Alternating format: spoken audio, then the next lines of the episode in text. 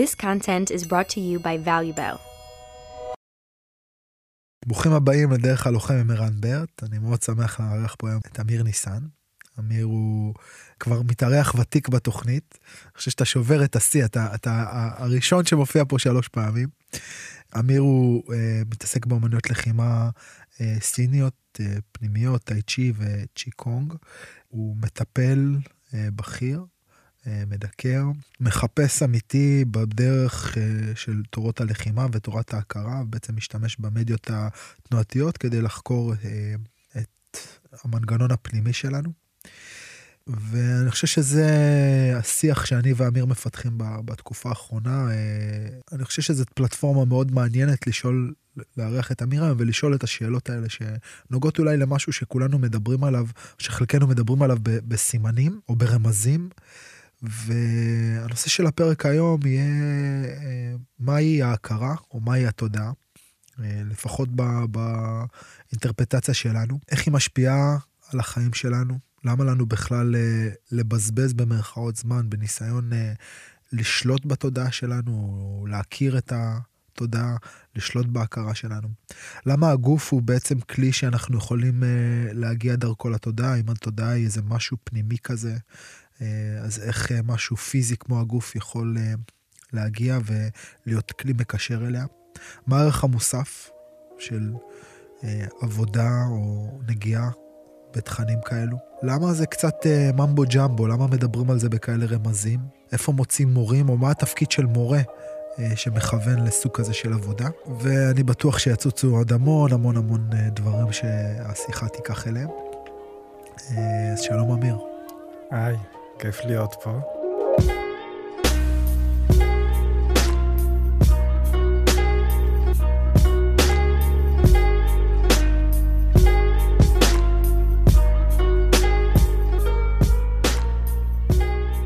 קצת לדייק, אני לא מלמד טאי-ג'י, אני מלמד איצ'ואן, המתודיקה של ההכרה. סליחה, סליחה, טעות.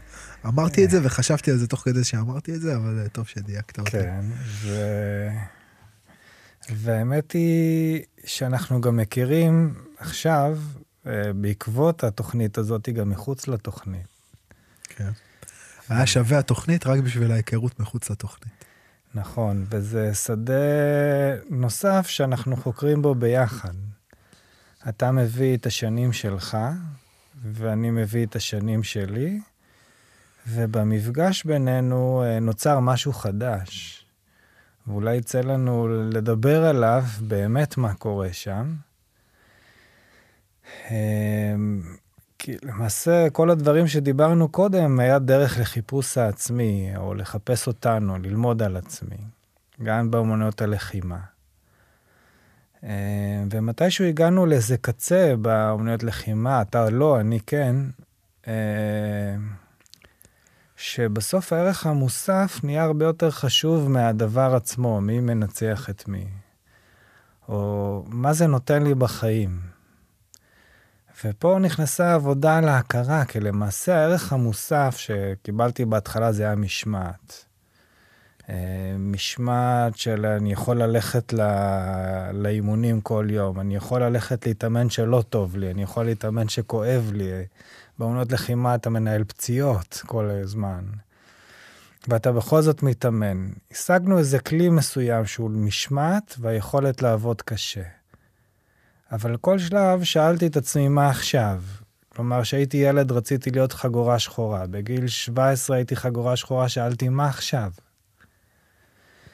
ואז אתה עומד מול הראי, לובש את החגורה, נכנס לאיזה חודש של איי כזה, ו...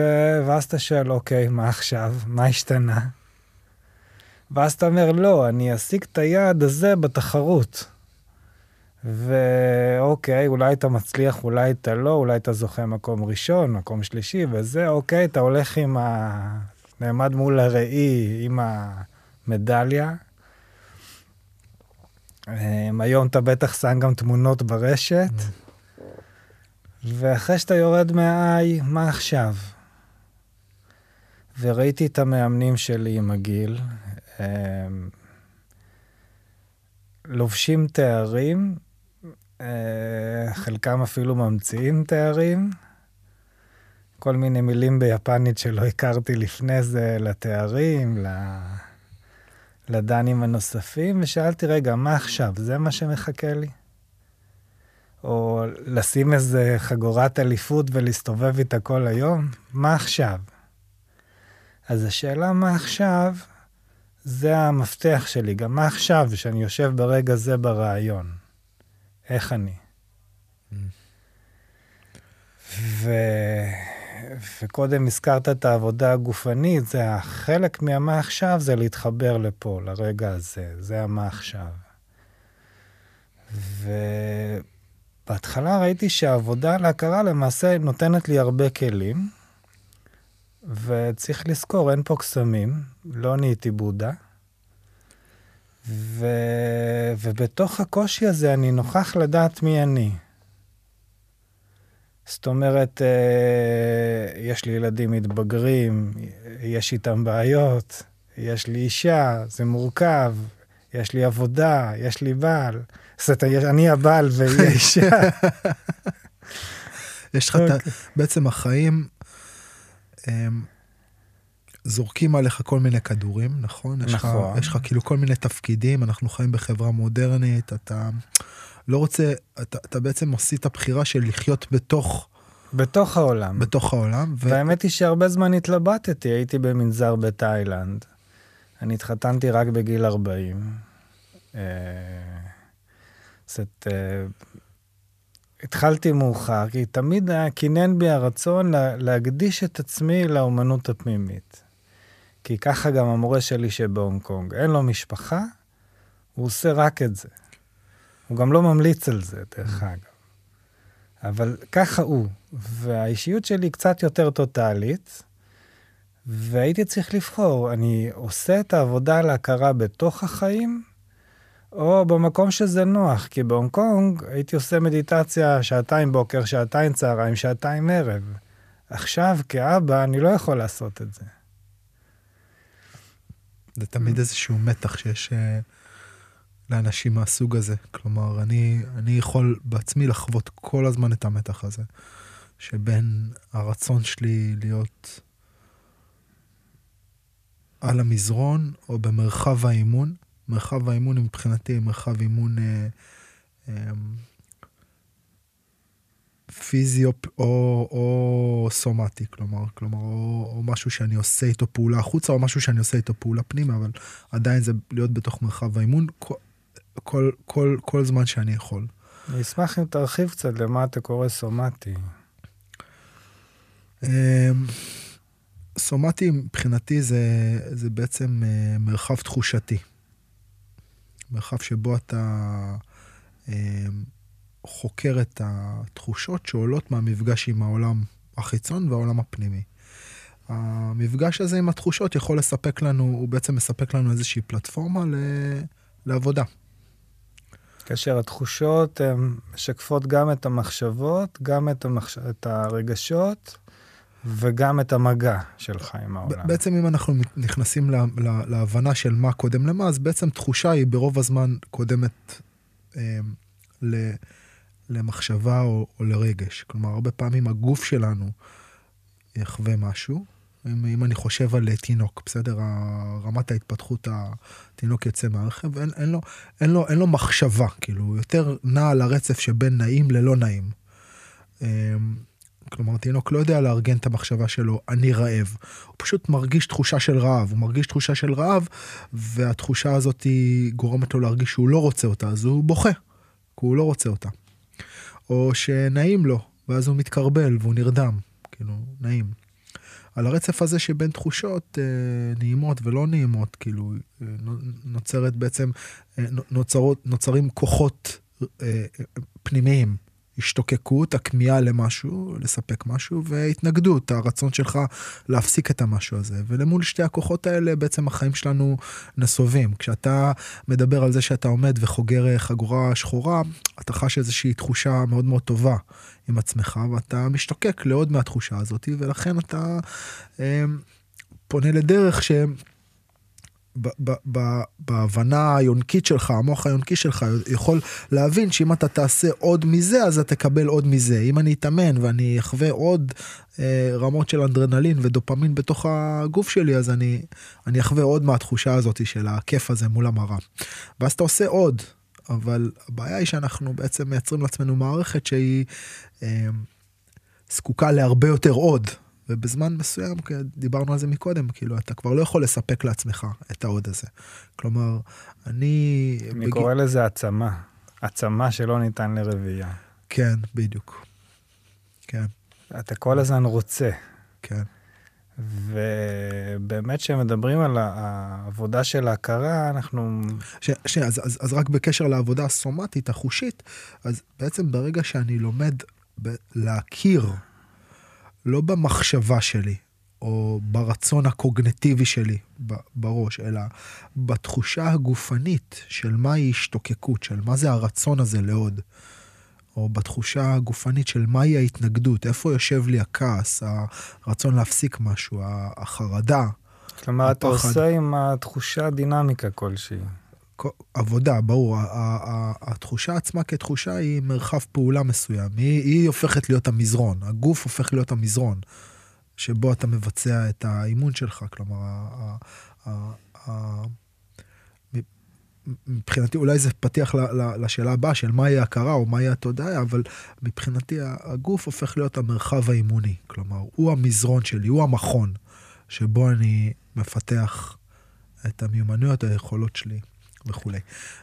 אבל, אבל בוא, בוא, אם זה כבר, אם כבר התפרצנו דרך פתוחה בתוך האסוציאטיביות של שנינו, אז, אז בוא, בוא תסביר לי שנייה מה, מה, זה, מה זה הכרה מבחינתך, או מה זה תודעה. האמת היא שזה תחום מאוד מאוד פרוץ, והתשובות שלכאורה יש, אני יכול אה, לנסות לחפש תשובות במדע, אני יכול לחפש תשובות בזה.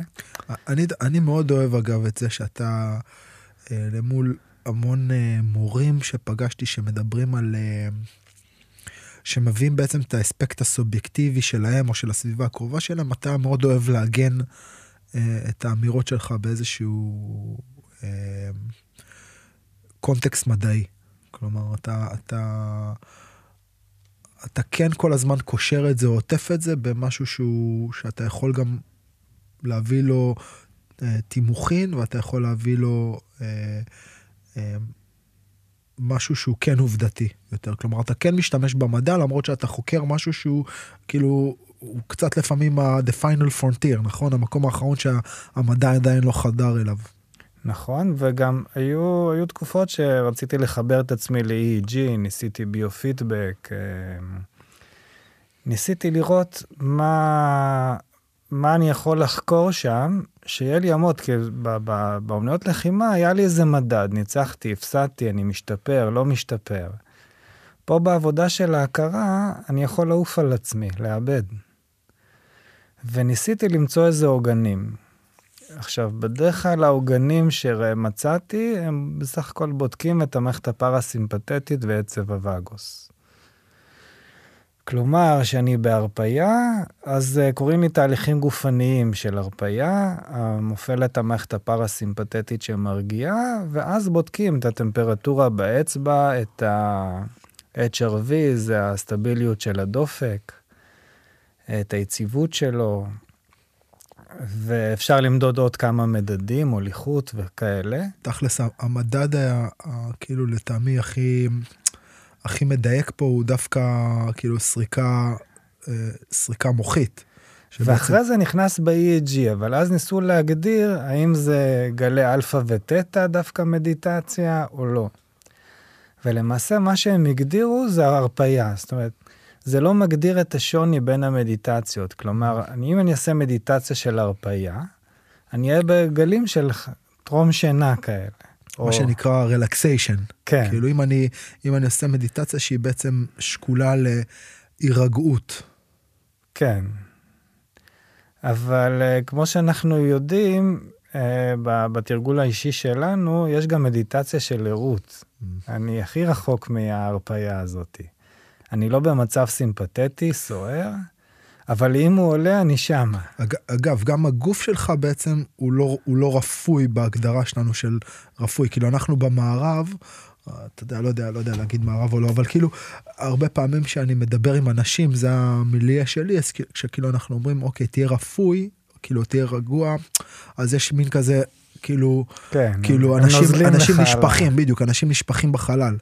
ואז עוד פעם, אתה רואה חבר'ה שכאילו נחים ביום אה, שישי, ויוצאים מיום שישי שבת, כאילו הגוף שלהם שבר כלי, כי המנוחה, רק כמנוחה, ו- ו- וכאילו במ- במצב המדיטטיבי, הגוף שלך יכול לעבוד מאוד, כאילו אתה בעבודה.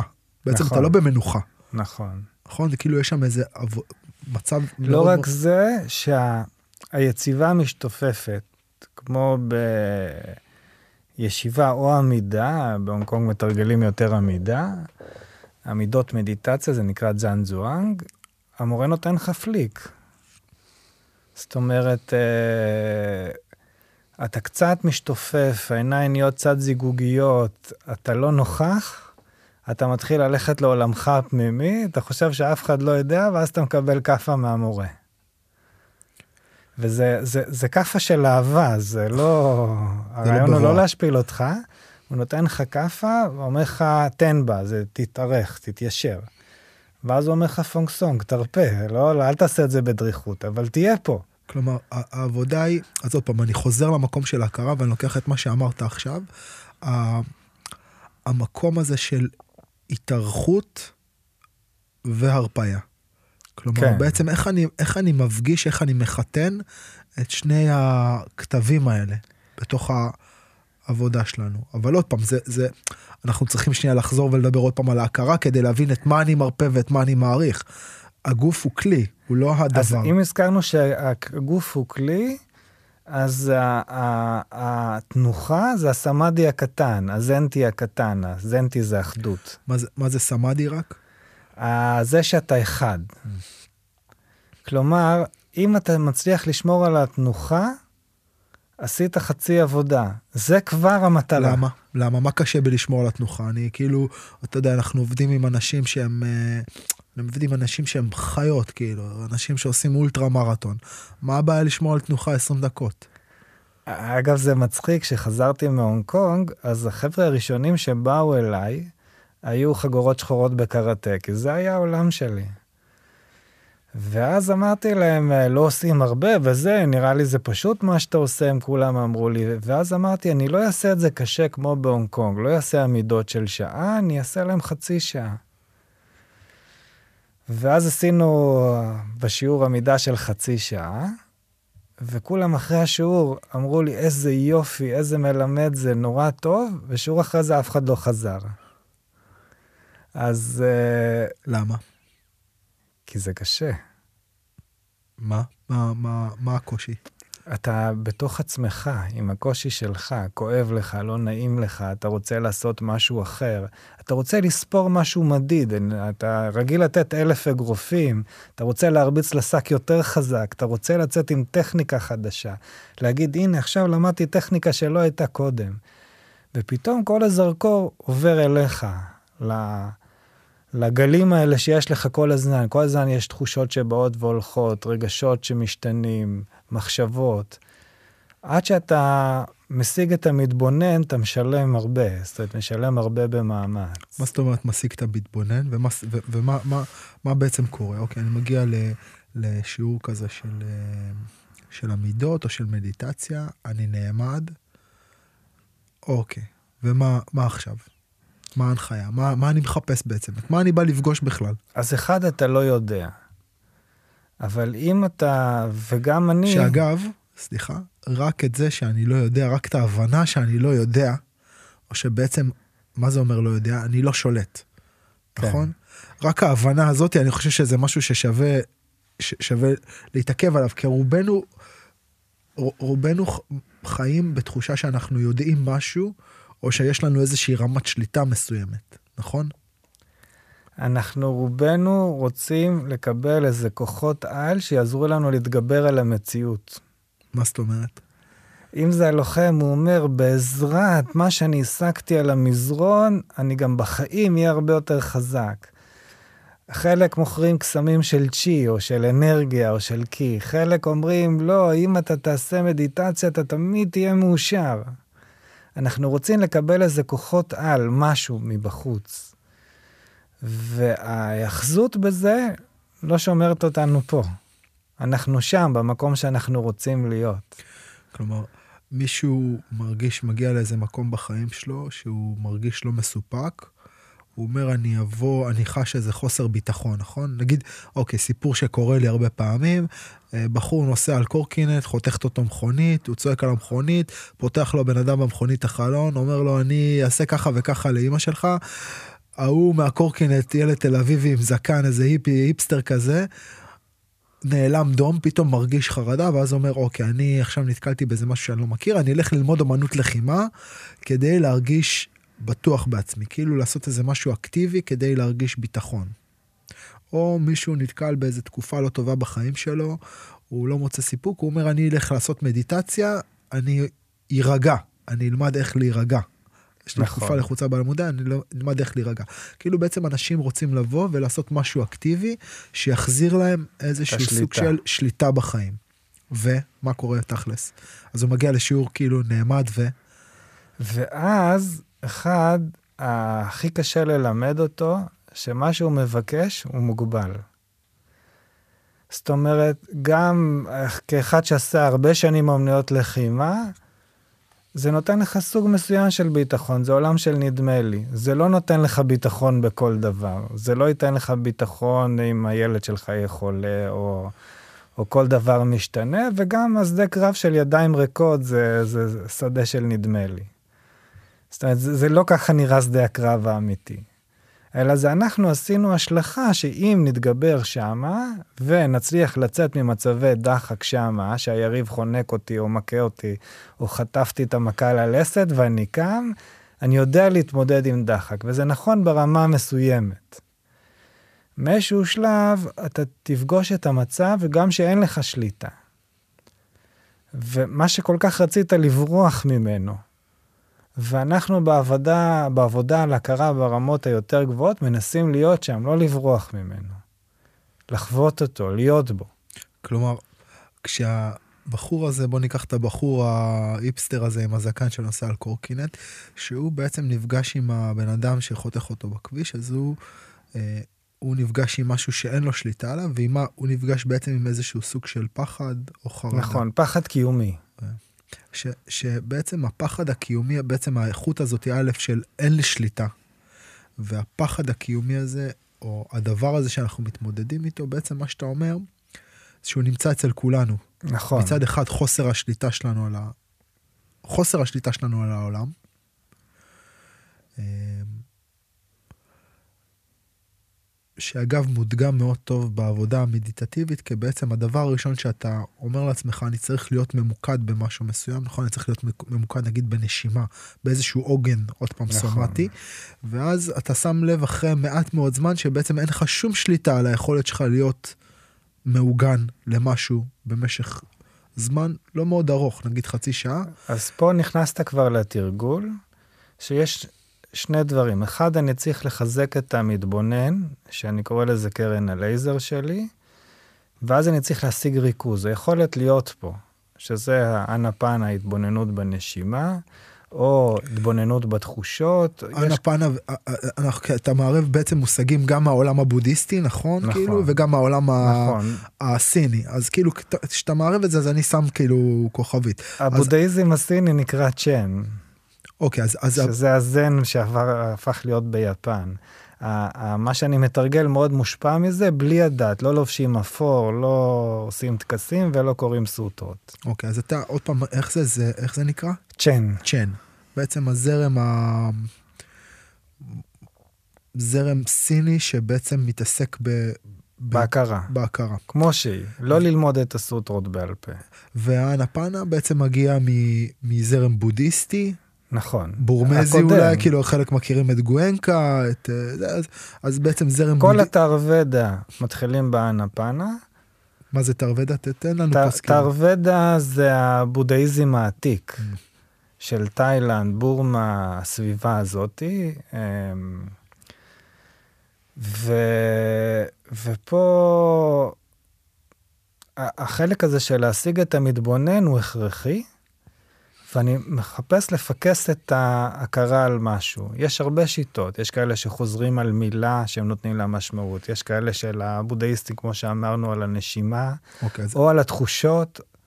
אז בעצם מה, מה שאתה אומר, אני עושה קצת סדר.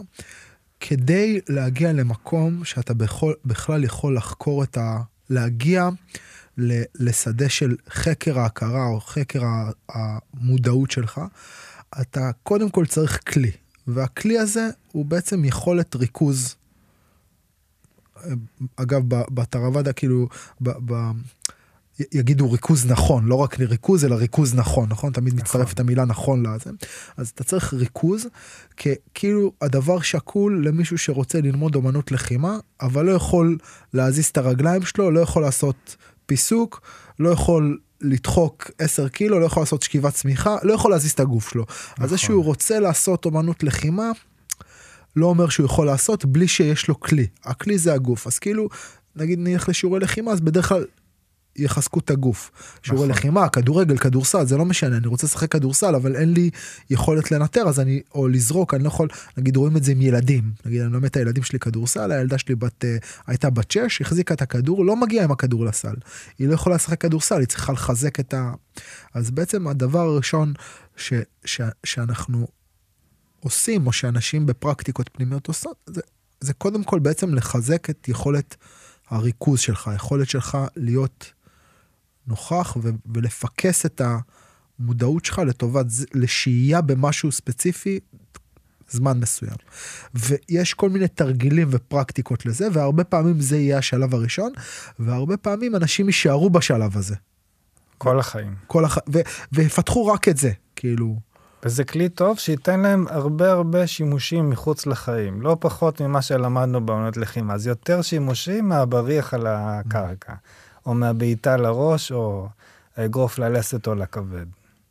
אז, אז תכף נדבר על זה, אבל עוד פעם, ב, ב, במטאפורה כזאת, אז זה כמו בן אדם שרוצה ללכת ללמוד לחימה, הוא מגיע לשיעור לחימה, המורה מסתכל עליו ואומר לו, אתה לא חזק, לך לחדר כושר, תחזק את עצמך.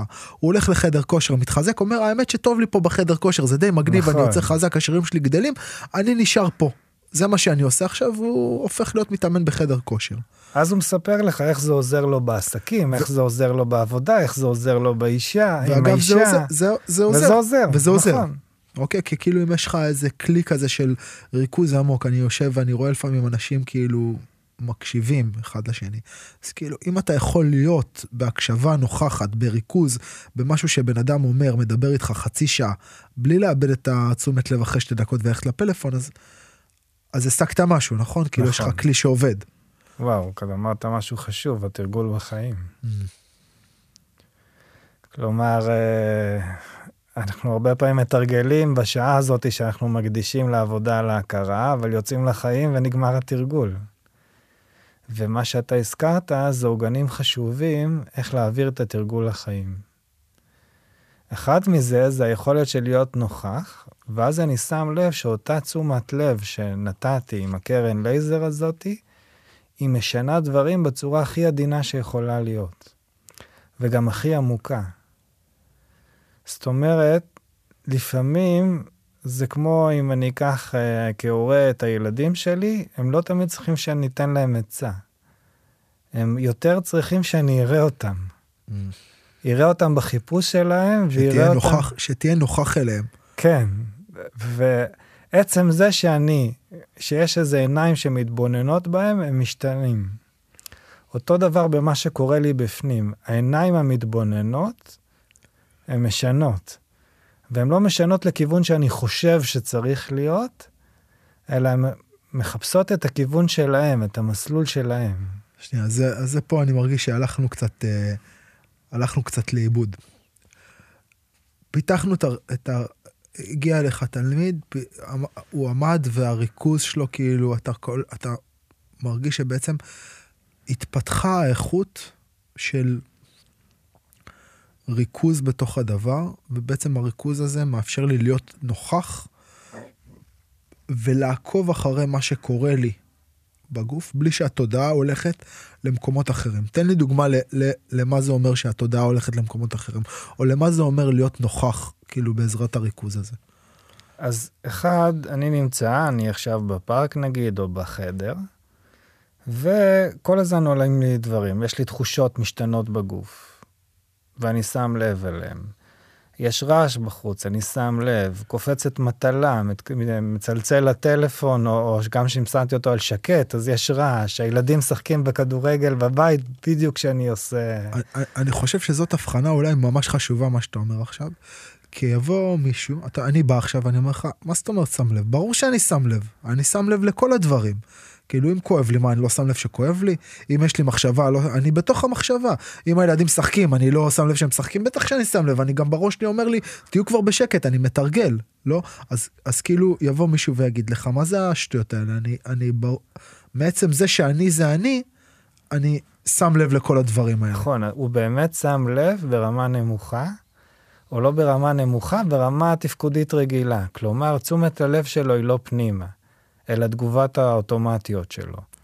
מה שהוא עושה, הוא גם, זה, גם הילדים משחקים וגם צועק עליהם, שיפסיקו לשחק. בתוך, בתוך הראש שלו. כן. כאילו מנהל, הוא מנהל בעצם דיאלוג עם הילדים. נכון. או שכואב הברך. אני כל הזמן מנהל דיאלוג עם כל דבר. זה מה שקורה בתחילת התהליך. יש ציפור, אני מנהל איתה דיאלוג. זה ציפור, איזה, אולי שלא תחרבן עליי, אולי איזה יופי, איזה נעים הרעש של הציפורים. אה, מישהו עבר, אה, הוא חושב עליי, איך אני נראה, אני חושב עליו, שמעתי את הרעש שלו, למה הוא התקרב יותר מדי, או מישהו בוהה בי, אה, אם אני בפארק, או כי הוא רואה אותי עושה דבר מוזר מבחינתו. ואז אתה בעצם מדבר איתו בתוך כן, הראש שלך. נכון, למרות שלא דיברתי איתו, כל הזמן אני מגיב. כן. אז אני חושב שזה אולי מושג מאוד חשוב ששווה כאילו להתעכב עליו, התגובתיות שלנו. ואז נחזור לדוגמה שלך של האיפסטר, יצא אליו הבריון מהקורקינט, אמר לו אימא שלך, והוא מגיב. אימא שלך בגבס. עוד מעט תראה מה אני, איזה חיים אני אעשה עם אימא שלך. ואז? הוא ואז מגיב. הוא קודם כל מגיב, משתלטת עליו המערכת הסימפתטית, הדופק שלו עולה, הוא נכנס ללחץ, הוא מגיב. עכשיו, בסיטואציות כאלה, בשונה מסיטואציות אחרות, התגובה שלך גם תקבע את ההמשך של האירוע. זאת אומרת, אה, ברוב המקרים ש, של, שמה שלמדתי אומנויות לחימה, דווקא זה שלא הגבתי, זה היה זה, זה לא הסלים. כלומר, שידרתי אה, משהו יותר רגוע, ואז השני לא היה לו משהו להתנגש. לא עשיתי אצלו הצפה רגשית. ברוב המקרים זה נפתר. אני לא זוכר מתי הלכתי ומכות בגלל נהג, למרות שגם ירקו לי על השמשה פעם, או פעמיים, או מישהו יצא עליי בגלל חנייה וכאילו ניפח את עצמו בבלון כזה, ניסה לגדול במקום. ו- ודווקא זה שאני לא מגיב, זה מה ששינה את הסיטואציה. אני מחבר אותו למקום אחר בו. יש לי אפשרות לבחור. אני גם יכול לבחור, יכול להיות שזה מסוכן, הוא ישלוף משהו. אני אצטרך להגיב. אז בעצם מה שאתה אומר זה שהמיומנות, כאילו, האיכות הזאת של שנייה, להיות נוכח לזה שבמפגש הזה, המפגש הזה מציף כמה דברים, ואתה יכול להתבונן, בעצם מה שאתה אומר זה שאתה מפתח איזושהי יכולת התבוננות על הדברים שעולים, בלי להיות קשור אליהם, רגשית, או בלי להיות תגובתי אליהם. אני חושב שחבר אה, טוב ומנטור אה, נתן לי פעם דוגמה של התודעה שלך, אה, היא, היא כמו, כשהיא לא מתורבתת, כשאתה לא בעצם עושה לה עבודה, היא קצת דומה לחתול ש, שמטייל בין חדרים, וכל חדר שהוא פותח, הוא חדר שהם מופיעים בו עכברים. חתול נכנס לחדר, רואה את העכברים ומתחיל לרוץ אחרי העכברים, כאילו. ואתה מתחיל לרוץ אחרי העכברים. העכברים בורחים והחתול רודף אחרי העכברים, כאילו. הוא מגיב מאוד לתוך הדבר הזה, הוא נקשר בתוך, ה... בתוך החוויה הזאת. העכברים האלה מפעילים אותו. אמ, אגב, הבסיס שלי זה לא לבוא ממקום של בודה, אני ב... סובל מבעיות קשב. או אני לא סובל מבעיות קשב, אבל אשתי סובלת מבעיות הקשב שלי. זה יותר. נכון. אהבתי, אני דווקא וטוב לי עם נעים. עצמי, זה העולם, זה העולם כן. שסובל. אה, ואז אה, אה, מתוך זה באתי לקבל כלי שחסר לי. אז, אז, אז מה זה המתבונן הזה? מה זה, מה זה, מה זה, כי אני חושב שזה גם עוד איזשהו נקודה מאוד מאוד משמעותית. מה זה המתבונן רגע, הזה? היינו בשלבים, בשלב הראשון שהוא ריכוז. Mm. ושלרוב האנשים קוראים לריכוז הזה, הנוכחות ריכוז פנימה, מדיטציה. אלה שמקפידים בדרך שאני למדתי, לא קוראים לזה מדיטציה, זה ריכוז. מדיטציה זה השלב הבא. שהריכוז הזה הוא מופנה למחוק את כל מה שאתה נאחז בו, כדי שתוכל להיות במציאות כמו שהיא. זה, זה המדיטציה.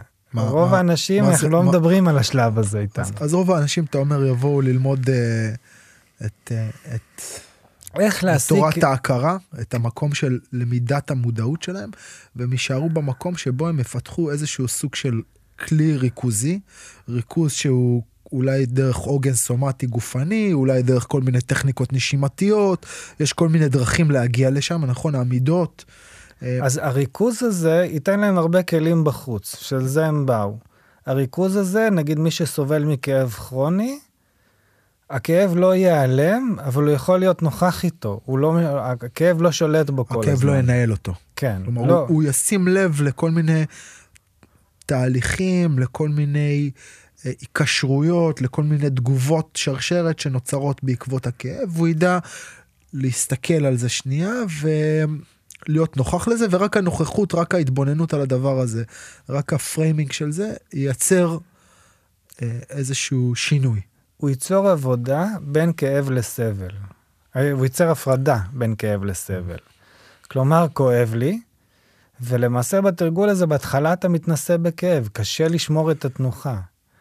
עכשיו, מבחן ואז, הכניסה... ואז מה קורה אחרי כמה זמן בעצם, בעצם מה שאנחנו לומדים פה למול, אוקיי, אני, חושב שאחד, יש שני תהליכים, דיברנו מקודם על לא לדעת או לא לשלוט, נכון? אני מגיע בגלל שיש לי איזשהו קושי, הבנה שאני לא שולט באמת בדברים, ואז אתה מגיע ואתה עובד, ואתה באמת מבין שאתה לא שולט בדברים, נכון?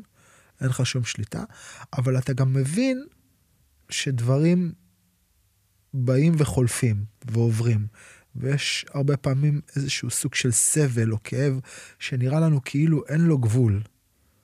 אין לו, אין לו התחלה ואין לו סוף. כאילו, כשאתה עומד ומופיע לך איזה כאב בברך, אבל אתה לא זז, כי בעצם קבעת לך איזה גבול פנימי של אני לא זז, הכאב הזה לפעמים יכול להתגבר לרמה של כאילו... זה כאב מסוג אחר, זה כאב שאנשים לפעמים לא חווים בחיים שלהם. כי בדרך כלל שיש לנו כאב מכל סוג שהוא, התנגדות מכל סוג שהיא, אנחנו רגילים שתמיד יש לנו כאילו חופש לעשות דברים אחרים. אז הרבה פעמים אנחנו מסווים את הכאב הזה בתוך כל מיני דברים. כואב לי אז אני הולך ואני אוכל איזה משהו, אני נרגע. כואב לי, אני פותח את הפלאפון, טאק, הכאב עובר, כי אני, אני מדבר על כאב פנימי. אמ, אני מאוכזב, אני מתוסכל, אני כועס, אני עצבני, אני הולך ואני עושה משהו. וה- להפסיק אותו. וההתעסקות במשהו הזה גורמת לכאב להפסיק. ופתאום כשאתה רק בתוך הכאב הזה, ואין ללכת לאיזה מקום אחר, ואתה שוהה בתוך הכאב הזה, הוא יכול לפעמים להיות כאב בלתי נתפס, כאילו קשה להסביר לאנשים איזה סוג של כאב זה. זה ואתה לא יכול ללכת לשום מקום, ואתה רק בתוך הכאב. זה מסע קטן, שאתה בעצם, אתה בעצמך צריך לשהות בתוך הדבר הזה, ולקבל את זה שאין לך מה לעשות מול זה, ושאין לך שליטה על זה באמת, ואז לפעמים מה שקורה זה שהדבר הזה עובר. ובעצם יש פה גם למידה חשובה. אז אנחנו נדבר, זה גם חלק ממבחני המיון של המורה שלי. אמ, שקודם כל, אצלנו היהודים, אנחנו כאלה היפוכונדרים, כל כאב זה דבר רע. ואצל הסינים יש כאב טוב, 酸, וכאב רע, 痛. 痛 זה כאב שיזיק לגוף, הוא בתוך המפרק, הוא דוקר, הוא רע. כלומר, אם אני עכשיו בתנוחה שהיא ממש לא טובה על הרצועה בברך, נגיד ל collateral או זה, אני ארגיש 痛. אם אני אשאר שם, אני אנצח את זה, אבל אחרי זה אני עשיתי על זה. נזק לרצועה. ולעומת זאת יש כאב... שזה הרבה פעמים מה שקורה לנו בלחימה אגב. כן, אנחנו לא יודעים להפריד בין כאב טוב לכאב רע. נכון. ו- וכל, וכאב הופך להיות, אה, כאב הופך להיות יריב שצריך לנצח. נכון. ואתה מנצח את עצמך בתוך הדבר הזה, אבל מה שקורה זה שאתה גם עושה לעצמך המון נזקים. נכון. אני רוצה לנצח את היריב, אני מוכן לשלם בכאב. אגב, אה, ג'ודו. כן, לעשות סלטה על הראש, העיקר לא לקבל את האיפון, ואז לך תדבר אחרי זה עם אה, ארבע אה, דיסקים הילד פרוצים. שלי, הילד שלי בשביל לא לחטוף, הילד הצעיר בשביל לא לחטוף איפון, הושיט את היד ושבר שבר פריקה את המרפק. היד שלו לא תתיישר יותר לעולם כמו שהתיישרה קודם. אבל הוא לא קיבל את האיפון. כן. וזה אינסטינקט, הם מסתובבים באוויר, ואז היריב, כדי שהם לא יסתובבו באוויר, מצמיד אותם אליו ונופל עליהם. אז יש את הכוח של הרצפה שחוזר, את הכוח שהוא יורד עליי עם המהירות שירדנו לרצפה, ככה זה נראה. וכשאתה צעיר אתה סופג את זה, כשאתה מבוגר אתה תיזכר בזה. אוקיי, אהבתי את זה גם. כשאתה צעיר אתה, אתה סופג, כשאתה מבוגר אתה נזכר. כן, אוקיי, אז, אז, אז, זה, אז זה ההבדל בעצם בין כאב רע, בעצם אתה לומד להבין מה זה כאב רע, כאב שהגוף שלך לא צריך לספוג, לבין כאב שהוא, כאב שהוא מורה. כן. כאב שהוא, עוד פעם, כאב שהוא מרחב תרגול. כאילו, הכאב הופך להיות מרחב התרגול שלך. אז הגענו למבחן מיון הזה עם הכאב, כדי שלמיין את התלמידים, לא לכולם מתאים אותו דבר. מה זאת אומרת? זאת אומרת, רוב האנשים, אני אלמד אותם יאנג שן, טיפוח הבריאות. מה שאני רוצה, שהם יחיו את החיי יום-יום שלהם יותר טוב, באיכות חיים יותר טובה. שבמקום שהם יהיו מריונטה שמופעלת בחיים, יהיה להם קצת אפשרות בחירה. הם ידעו איך הם מגיבים, והם יוכלו לבחור מתוך זה. וחוץ מזה, זה יפעיל להם את המערכת הפרסימפטית, הם יהיו קצת יותר רגועים, כלומר, אם הם היו במתח, נגיד הוא צריך לעשות, אה, להוציא מוצר בהייטק, הוא הגיע לרמה של 9-10 במתח, כי עכשיו המוצר צריך לצאת, הוא לא ישן, הוא עבד על זה כל הסוף שבוע, המוצר צריך לצאת אה, טוב, בלי תקלות, ואז הוא עלה לרמה 10, והרמה התפקודית שלו היא 5-6, הוא כבר לא יורד ל-5-6, הוא יורד ל-7. וככה יהיו לו עוד כמה אירועים כאלה, אז הוא ירד רק לשמונה או לתשע, הוא יהיה במצב סימפתטי. נגיד חלק מהמטופלים שלי, אנשי הייטק, נראים זקנים מגילם. אולי בעשר שנים. נוסעים הרבה על הכתפיים וכאילו בלי אינרשיה. אה, להספיק, להספיק, להספיק, להספיק, זה המצב הדחק שהם חיים בו. בלי ואז- טיפוח, בלי, בעצם בלי טיפוח של ה... של, לא של הכלי הגופני, נכון הרבה פעמים? נכון. כי זה כמו איזה תמנון שיושב בכלוב, כאילו... עכשיו, יכול להיות שבגיל 50 הוא יגיד, מה, אלה החיים, אז הוא גם יעשה טריאטלון, עוד משהו שיוסיף לו עוד סטרס. Mm, אבל זה סטרס אחר, אז זה יגוון לו. כן. ו... אבל הם מגיעים למצב שהם נשלטים על ידי התגובות שלהם, ואז מה, שאנחנו נותנים להם זה היכולת לחזור בחזרה לחמש. כלומר, להפעיל את המערכת הפרסימפטית, ופה יש את האשליה שכל מה שאנשים, שאנשים קוראים למדיטציה זה למעשה הרפייה. כלומר, בשפה שאני מכיר, מדיטציה זה לא כל דבר, דמיון מודרך זה לא מדיטציה. אם המורה מדבר איתך בזמן שאתה עושה מדיטציה, זה לא מדיטציה, זה דמיון מודרך. אם אתה עושה הרפייה, שוכב על הגב, עובר חלק-חלק, זה לא מדיטציה. זה רק השלב, זה רק איזשהו שלב ראשוני. שלב מכין, אתה גם צריך פה, לבוא קצת יותר רגוע אם, למדיטציה. אם בן אדם, אני ממשיל את זה הרבה פעמים, אם, אם מגיע אליי בן אדם שהוא בתוך החיים, הוא מחזיק עכשיו על הגב שלו תיק עם 30 קילו. 30 קילו של, של, של מסעות החיים. העבודה, וזה שהוא צריך להגיע בדדליין, והילדים שלו שהוא צריך לקחת טה-טה-טה-טה-טה-טה-טה-טה, והוא מגיע עם ה-30 קילו האלה, אז רק זה שהוא נכנס שנייה למרחב והוא לומד להשיל את ה-30 קילו האלה שנייה מהאגף שלו ולשים אותם שנייה בצד ולהיות בתוך כאילו בועה שבה הוא בעצם מייצר איזשהו קשר מחדש עם הגוף שלו. כי ברגע שיש לך את השלושים קילו האלה על הגב, אתה לא באמת בקשר עם הגוף שלך, אתה כל הזמן ב, בשרידות, אתה מנסה לסחוב. אתה מוריד את זה, גם תודעתית וגם פיזית, אז רק זה, רק אם עשית את זה, יש לזה, אתה יוצא כאילו במקום מאוד מאוד טוב. ואגב, אם, אם דיברנו על החיבור למערב, אז גם יש שם המון מחקרים שתומכים בזה. כשאתה עושה את זה, אז האמיגדלה מתכווצת, מרכז בקרת הכאב והתחושות הלא נעימות, המצב של האיכון. אמ, אגב, אגב זה, זה, נגיד אני שואל את התלמידים שלי בתקופה האחרונה, למה אתם עושים את מה שאתם עושים, או למה אנחנו עושים, ואז התשובה, מגיעות הרבה תשובות, אבל בסופו של דבר הן מתכנסות, אם אני מכנס, אם אני מסנן את הניסוחים, הן מתכנסות לטובת משהו כזה. אני מגיע לפה כבעצם שעה, ושעה, את השעה וחצי הזאת שאני עושה אה, פעם, פעמיים, שלוש, כל יום בשבוע, אני נוכח לגמרי, אני בנוכחות פול און. כאילו אין לי מחשבות על מה אני צריך לעשות, על הוואטסאפים בפלאפון, על ההגשה למחר, על המבחן של אתמול. אין, אני כאילו באיזה נוכחות פיזית מלאה שמאפשרת לי לחוות את החיים. כאילו, את הפחד, את ההצלחה, את החוסן, את השליטה. אז, אז זה כאילו... מתחיל בזמן שהקדשת לעצמך, שתיים, כן. היריב שמאפס אותך. כן, אתה כל הזמן פה. אתה לא כן. לא יכול להיות במשהו אם אחר. אם לא, תחטוף. בדיוק. וזו תחושה מאוד ייחודית במרחב המודרני, שבו התודעה שלך כל הזמן נמצאת במשהו אחר. אתה כל הזמן, התודעה שלך היא כל הזמן חתול בחדר מלא עכברים. אוקיי, עכשיו היית במרחב הזה, מה עכשיו? בוא תספר לי. אז אה, שנינו היינו במרחב הזה. אה, אה, מי שלא מכיר אותך, אתה המשכת את מרוץ החימוש שלך הרבה אחריי. ו... אגב, כי, כי היום, גם במרוץ החימוש שלי, אני בדיוק, הנה, דיברתי עם אשתי על הבוטי, כאילו על, ש... על הטכניקות של אנשים, והיום, מה שמעניין אותי כל הזמן זה להביא את העבודה ההכרתית לתוך המרחב הלחימתי. ואני צריך כל הזמן לעשות שם ויתור על משהו. בתוך המרחב הלחימתי כדי להביא את הדבר הזה. כי אני לא מספיק טוב כדי לעשות גם וגם. אז זה שם אותי כל הזמן בשאלה של על מה אני מוותר שם, ולהיות נוכח לוויתור. אמ, ואני גם באמת באמת אוהב לפתח את ה... כאילו, אני... כאילו ה-F-15 זה אחלה, אבל אני רוצה את ה-F-35, וה-F-35 זה אחלה, אבל...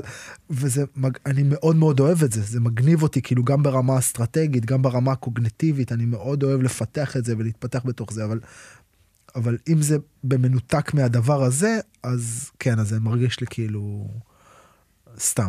אבל ברגע שאני אומר, כאילו, איך אני יכול להביא את, ה, את האיכות הזאת לתוך המרחב הלחימתי, זה, זה כאילו, זה, ה, זה הפרס הגדול מבחינתי. אז האמת היא שקצת אנשים שמכירים את שתינו, את שנינו, ולא מכירים אותך טוב, שסיפרתי להם שאנחנו מתרגלים יחד, אז הם אמרו לי, מה ערן? ערן זה מכות, לא? Mm. יש צד של ערן שלא מכירים. אז באמת אה, אתה יכול לדבר גם על ההתנסות שלך בשדה הזה. כאילו, שהוא לא רק מי הכי יעיל בקרב. ואנחנו יכולים להגיד שזה באמת עוזר גם ללוחם, אבל במינונים אחרים. הלוחם קודם כל צריך לעשות את הכשירות הגופנית, הפיזית והטכנית שלו לקרב, וזה יעזור לו להתאוששות בין האימונים העצימים. ואז הוא יביא את האיכויות האלה, כמו שליטה על המערכות שלו, של רמות העוררות שלו, שהוא צריך רמות עוררות גבוהות, אבל לשלוט עליהן, שהם לא יציפו אותו, אה, בקרב. הוא לא יכול לבוא רגוע לקרב, כי הוא יפסיד בשנייה הראשונה. מצד שני, אם הוא יבוא יותר מדי, אז הוא גם לא יתפקד הכי טוב. זה ישתק אותו. אבל זה, זה איזה רמה מסוימת שאני יכול לעשות עם העבודה כן. על ההכרה. זה, זה, זה אגב לטעמי זאת עבודה של אה, מאמן טוב, שיודע בעצם אה, ש, שיש לו שליטה גם על פן מנטלי של בעצם, של איך הוא מעצב איכויות מנטליות של לוחם. ואז יש לו אולי ארסנל כלים יותר גדול, דרך טכניקות נשימתיות של עוד פעם שמפעילות מערכת פרסימפטית או מערכת סימפטית. אגב, ההבדל בין ווימוף לבין אה, אבו תיקו, נכון. שכאילו זה מפעיל לטעמי לגמרי את המערכת הסימפטית וזה לגמרי מפעיל את המערכת הפרסימפטית. כאילו אני ממש רואה את ההבדל בין מישהו שאני צריך להרגיע אותו ואז אני לוקח טכניקה מסוימת. אה, לבין מישהו שאני צריך לעורר אותו, ואז אני לוקח טכניקה אחרת. ושתיהן נכון. כאילו עובדות על מנגנון דומה, אבל, אבל, אבל דרך נקודת גישה שונה לגמרי. ואז זאת האיכות שלי כמאמן, אבל באמת אני לא אתחיל הרבה פעמים לדבר עם מישהו שנמצא בתהליך הכשרה של לוחם על אה, איכויות כאלה. אה, וזה עוד פעם השאלה שלי, בדרך שלי. למשל, יש לי אה, קולגה שלי מאוד מאוד, חבר מאוד מאוד טוב, ואיש אה, קפוארה ולוחם אה, ג'ו-ג'יצו מעולה, הראל סונורה. אה, אז, אז, אז, אז יש לנו שיעורי אקרובטיקה ב- ב- במכון, שמבחינתי זה, זה, זה שלב must, כאילו, בתהליך... הרבה יותר גדול מהלחימה עצמה, אתה לומד להפעיל את הגוף שלך. בשלב מסוים כן, בשלב מסוים כן. נגיד, אתה ילד בן 12-13, זהו, עכשיו זה הזמן, לך תעשה אקרובטיקה, תתרבט את הגוף שלך. כן. בגיל 30, לא. זהו, חלף הרגע, אחי, סורי, כן. כאילו, וגם סונורה אומר את זה לחבר'ה שבאים רוצים, אני רוצה ללמוד סלטה, לא שווה לי להשקיע לך את הזמן, זה לא הזמן שלך, לך תעשה ג'ו-ג'יצו, לך תעשה אגרוף, עדיף. אמ, אז, אז זה גם שאלה שלי, כי כאילו, מה שאני יכול לעשות עם, עם בן אדם כאילו מורעל בן 20, שעכשיו כאילו זה הזמן שלו, זה הזמן שלי לדפוק על, ה, לדפוק על החרב שם ולהשחיז את החרב, עכשיו זה הזמן. אה, בגיל 40, 20 זה אפילו קצת מאוחר. כן נכון אני סתם אבל אתה יודע בגיל 40 אני כבר לא רוצה לדפוק על החרב אני זה, זה השלב שאני רוצה לשבור את החרב. נכון, זה גם מה שהמורה שלי אומר, אתה מלמד בני 40, שונה ממה שאתה מלמד בני 20, וגם שונה מזה. זאת אומרת, הילד שלי עכשיו, בגיל 16, מתחרה בג'ודו. ואז הוא עושה ביו-פידבק, הוא לא עושה מדיטציה ברמות הכי גבוהות. זה לא מה שהוא צריך כרגע. עכשיו הוא עושה אה, כמעשיר לג'ודו, הוא עושה אימוני כוח, הוא עושה ביו-פידבק, הוא עושה כל מיני כלים שיתמכו בג'ודו. אגב הש, השאלה שאני שואל את עצמי עכשיו המון המון המון ואני ואני מתגלח איתה כאילו אני אני מתגלח. אה, לא נעים לי להגיד אני מתגלח על המתאמנים שלי אבל נגיד הילדים שלי זה גם המתאמנים שלי אז אני יכול להגיד שאני עושה את הכל בכנות הכי גבוהה שאני יכול זה איזה איזה זרעים אני שותל שם ולהבין באמת איזה עד כמה עמוק אני יכול נגיד לעבוד עם ילדים על על כלים מדיטטיביים או כלים פנימיים סומטיים כאילו כמה אני יכול להשתיל את זה שם לפני שמתחיל מפהק לי וללכת הצידה. אה, וכל הזמן באיזושהי קבוצת ביקורת של מה הערך המוסף של זה.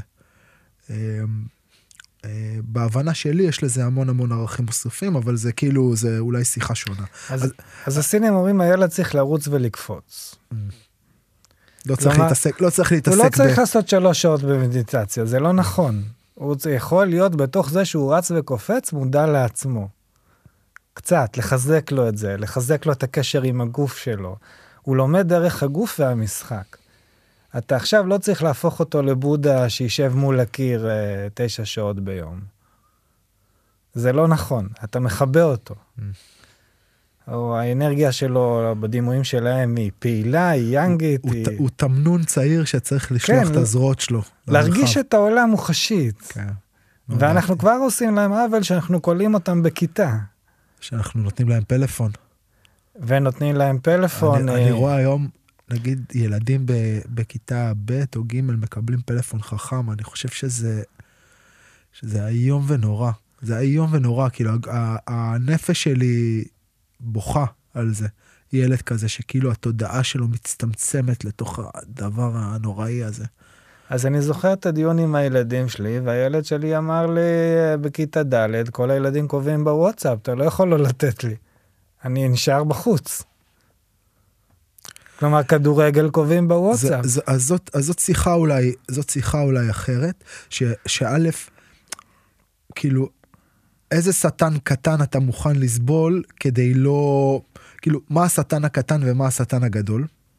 תראה, אני לא יכול לעצור את הקדמה. ואח, ושתיים, סליחה, זה בעצם, ברגע שאתה מבין מה משמעותי, כאילו, אתה יודע, סדרי עדיפויות, מה הדבר, כמו שאמרת, אגב, על זה, אני צריך קודם כל את הריכוז, ואחרי זה, זה, יש לך הבנה מאוד uh, סכמטית של מה, מה משמעותי, מה השלב הראשון, מה השלב השלישי, זה. Uh, וברגע שיש לך כהורה הבנה משמעותית כזאת של מה באמת משמעותי יותר או פחות, um, אז אתה יכול לעשות את הבחירות שלך. למשל, אחת הבחירות שלי כהורה, שהיא לא בחירה שמתאימה, אני בן אדם מאוד מאוד פריבילגי. מאוד פריבילגי. ואשתי היא בן אדם מאוד פריבילגי. פריבילגי בזה שאני מרגיש שאני, יש לי חופש לבחור הרבה בחירות. אז הבחירה שאנחנו עשינו לגבי הילדים שלנו, היא בחירה של לשים אותם בתוך קהילה, שבעצם יש איזשהו... אה, אה, יש איזשהו הסכם מסוים בתוך הקהילה הזאת, שנגיד פלאפונים נכנסים בשלב מאוד מאוחר יחסית. כיתה ז'. אוקיי. אה, וגם אז בצורה מאוד מוגבלת עם תנאים וטה טה טה טה טה טה טה. ואז אתה בעצם שם את הילד שלך במרחב שכאילו אתה מנהל את קרב הבלימה בשלב מאוחר יותר. ש, שהרציונל הוא שהצלחת לתת לו בעצם את המרחב להתפתח. הצלחת לתת לו את המרחב להתפתח, הצלחת לתת לתודעה שלו את המרחב להתפתח בתנאים מסוימים, שתאפשר לו חופש בחירה יותר גדול בהמשך.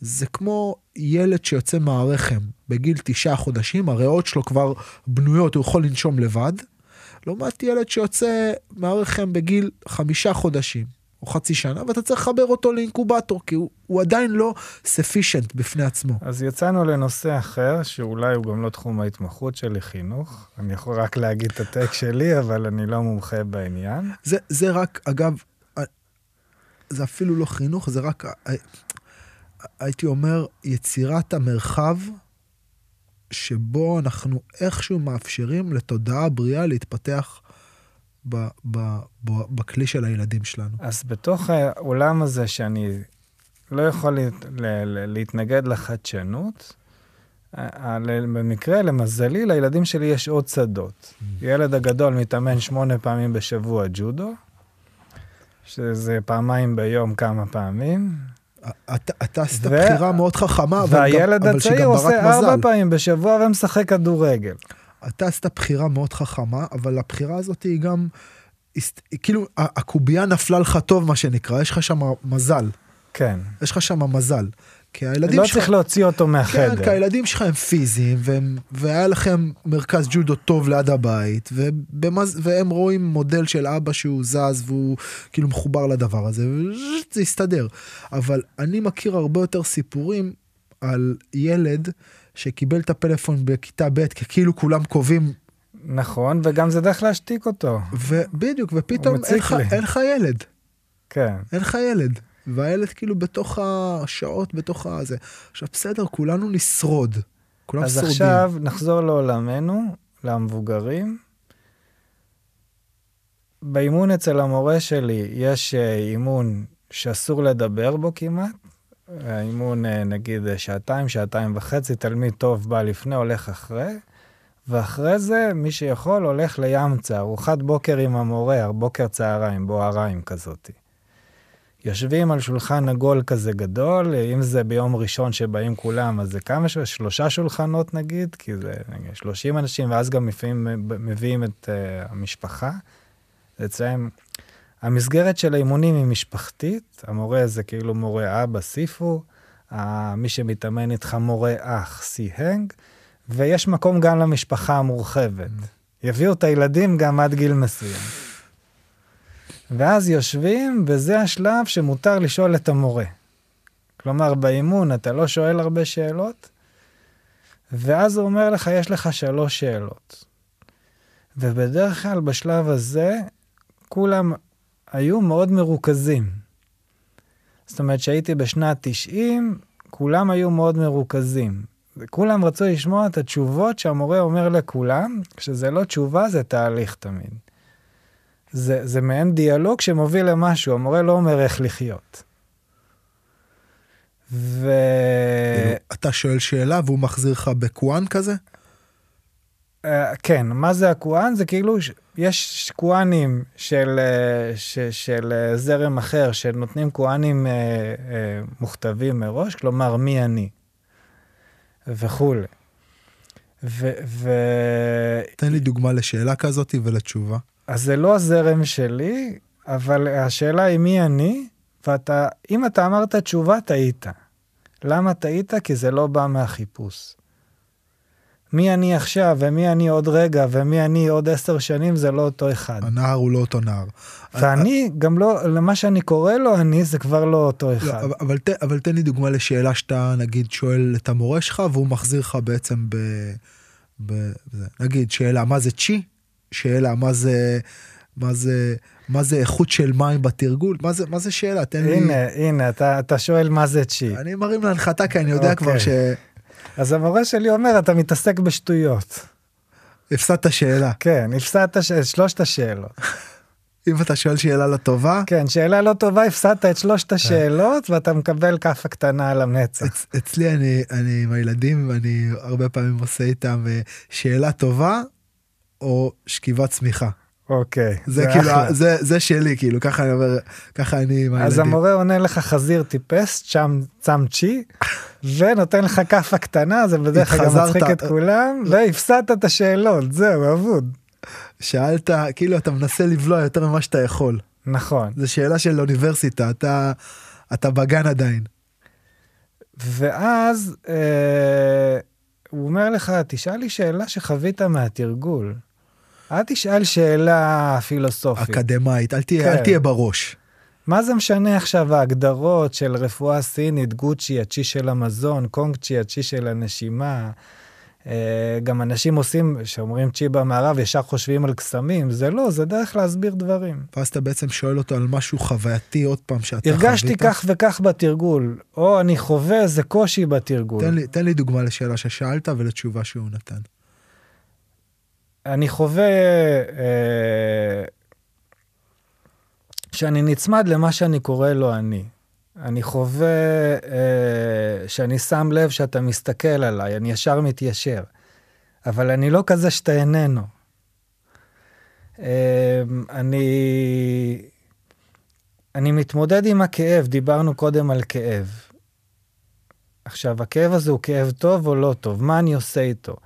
הלחימה שלי עם הכאב הוא גם סוג של היצמדות. הבריחה מהכאב היא גם סוג של אה, היצמדות למנגנון העונג וה... התנגדות, כן. אתה, אתה עדיין מגיב לא- לאותו כן. דבר, לאותו מערכת הפעלה. מה- מהי הרמה הנ- הנכונה? עכשיו, אין תשובה כזאת שמתאימה לי ולערן. ערן, אנחנו נגיב שונה.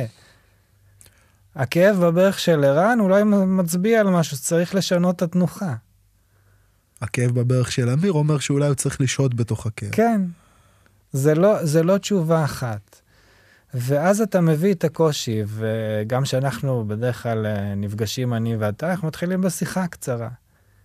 מה זו השיחה הזאת? הכוהנים של החיים. כאילו, אם התרגול מנותק מהחיים, אין לו משמעות.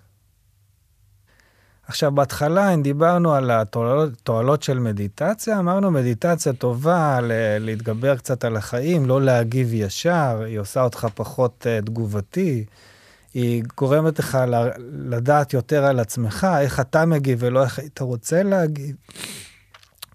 אתה לומד הרבה דברים על עצמך. אבל זה רק שלב א', כמו שהריכוז הוא שלב א'. אחרי זה יש שלב ב'. אוקיי, אז בוא, תן לנו את השלב ב', ואולי בפרק הבא אנחנו, ב- ב- בחצי השני של המפגש, אנחנו נתחיל לדבר על שלב ב'. אז אם אוקיי. שלב א' זה פיתוח אחד, הייתי אומר אולי היכולת שלך להיות, א', להכיר את הגוף שלך. כי נגיד, אני היום נפגש עם אנשים שלא מכירים את הגוף שלהם, כאילו, תשאל אותם מה זה תחושה, מה זה התחושות שלו ב hamstring, או מאחורי, כאילו, או בברך, או ב... כאילו, חבר לי את השכמות, או תאריך את הצוואר, אין להם מושג בכלל איך להיכנס לתנוחה הנכונה. אה, שזה אגב אחד הביקורות שיש לי הרבה פעמים על, על אה, חבר'ה שנגיד מודטים. נכון. אנשים שנמצאים בתוך המרחב, ה, אה, מרחב התרגול הבודהיסטי, כאילו מהמסורת התרוואדית, מהמסורת כאילו של גואנקה, של, של טובה, כאילו אני, אני יושב עושה ריטריטים, אני רואה אנשים יושבים ו, והלב שלי נחרד, כאילו אף אחד לא מלמד אותם בעצם איך לשבת. יש איזושהי הנחיה כללית, אבל ההנחיה הזאת כאיש של גוף ושל תנועה, אני מרגיש שהיא כל כך לא מספיק, כאילו כל כך לא מספיקה, זה כמו לבוא למישהו עצבני ולהגיד לו תירגע. כאילו, איפה, איפה הבנייה של הדבר הזה? אז, אז לטעמי, אה, אה, אה, אני או, או מורה, כאילו שבעצם מנחה איזשהו תהליך כזה, שהוא, שהעוגן או שהכניסה לתוך התהליך הזה היא דרך המרחב הגופני, כי בעצם אתה עומד או שאתה יושב ואתה צריך להיות נוכח בתוך הגוף שלך, אז, אז התהליך הראשוני הוא תהליך של היכרות גופנית, הכרת, הכרת המרחב. הכרת המרחב, זה כאילו אני מכניס אותך לתוך בניין, ואני אומר לך, אנחנו הולכים לשחק בתוך הבניין הזה, והבניין חשוך. בוא תכיר את הבניין, בוא תבין את החדרים, בוא כאילו בוא בוא בוא בוא תהיה, אנחנו הולכים לעשות תרגיל לשאב, לחימה בשטח בנוי בתוך מרחב. בוא נעשה שנייה, בוא, בוא ניכנס למרחב, בוא נכיר אותו. אז הזכרת איזה איזון שהוא מאוד חשוב. כשגרתי בהונג קונג כל שלושה חודשים, הייתי צריך לצאת לחדש את הוויזה.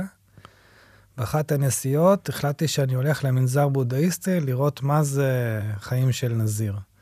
אמרתי, אני מתאבד בעולם הזה של החקירה העצמית.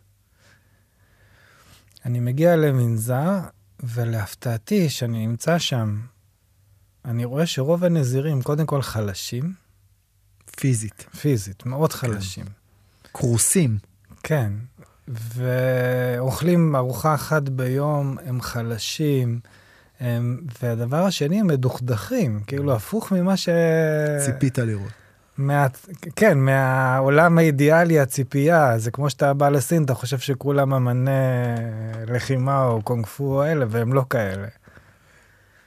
ו... ש, שאגב, קל להסביר את זה הרבה פעמים, כשאתה רואה מישהו שהוא אמן לחימה, שהוא לוחם טוב, הלחימה קורנת ממנו החוצה. אתה שם כפפות, ובבת אחת אתה, ואתה עומד מולו במרחב לחימתי, ובבת אחת אתה יכול לדעת, לפי התזוזה הראשונית שלו, אם עומד מולך אדם שזאת המהות שלו, או לא. כאילו, אתה צריך להיות טוב בשביל להבין את זה, אבל אתה מבין את זה. ואותו דבר, אגב, גם במרחב התודעתי-הכרתי. באמת? אתה, כן. או אני... שאתה רק כלוחם יודע להבחין, אבל הצופה מהצד, או מי ששומע אותנו, לא ידע להבדיל מתי הוא מצטט לי ממה שהוא קרא בספרים, ומתי אני, הוא באמת היה אני שם. אני מסכים. אם, אתה יודע מה, אני, אני מסכים איתך. כאילו, אתה צריך, אתה... אוקיי, אני אגיד ככה. לוחם טוב, ידע לזהות, ידע לוחם. לזהות לוחם טוב. נכון. לוחם טוב ידע לזהות לוחם טוב. אבל רוב האנשים ייתקעו לו בלוחם, לא טוב שפתח חוג, והמורה לספורט שמחזיק לך פדים. המורה לכושר גופני בשיעור כן, הפרטי. אני, אני מסכים איתך. שאגב, היה לנו שיחה על uh, מישהו כזה, כן. Uh, אז, אז כן, אז אני, אני מסכים איתך. ו, ואולי אפילו בתוך המרחב התודעתי, כאילו בתוך המרחב הזה של כאילו הקהילה המודדת, לפעמים יותר קל אפילו. לחרטט. לח, כן, לחרטט, כי בעצם אנחנו מדברים על משהו שהוא קצת תיבה שחורה.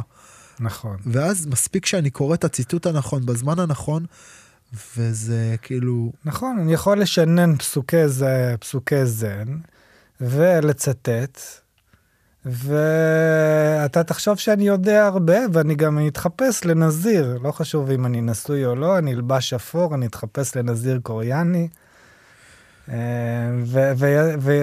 ויעשה את השפת גוף של השלווה והנינוחה. יצוטט בזמן הנכון. כן. כאילו הרבה פעמים יש אנשים שהם נגיד מאוד, אה, אה, אה, כאילו יש להם איזה איכות אינטלקטואלית למדנית, כאילו אנשים כן. שיודעים ללמוד, יודעים לצטט, יודעים לזכור כאילו כל מיני סוטרות או מה...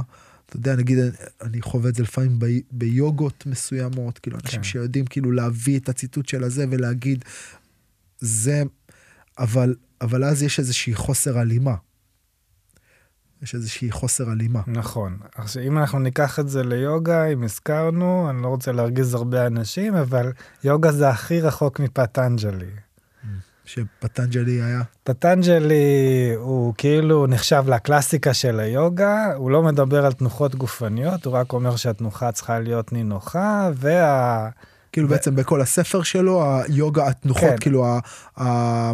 הספר מתחיל ככה, ועכשיו להוראת היוגה, יוגה היא בלימת תנודות ההכרה, אז שרוי הרואה בראייתו שלו.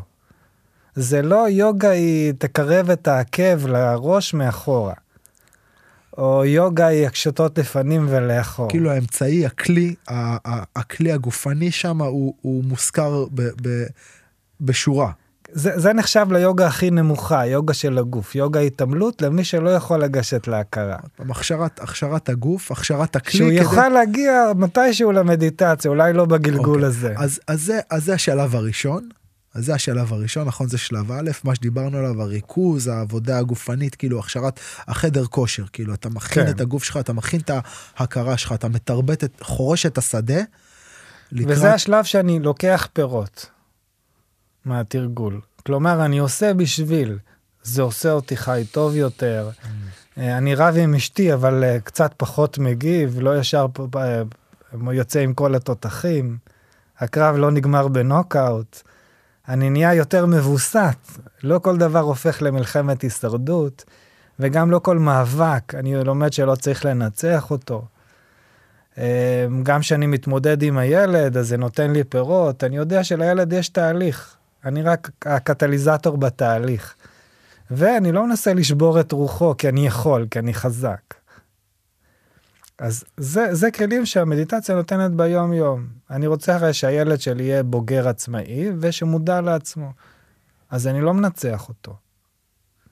אם יש דברים שאני חייב, ולהגיד פעם הילדים הסתובבו עם אלכוהול וזה, פה נכנסתי בתותחים.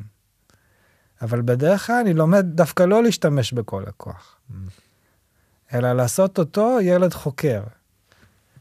אז זה השלב הזה שלקחנו את הפירות, השגנו ריכוז, שלטנו, הגענו לשליטה מסוימת על המערכות הממריצות והמרגיעות, סימפתטית ופרסימפתטית.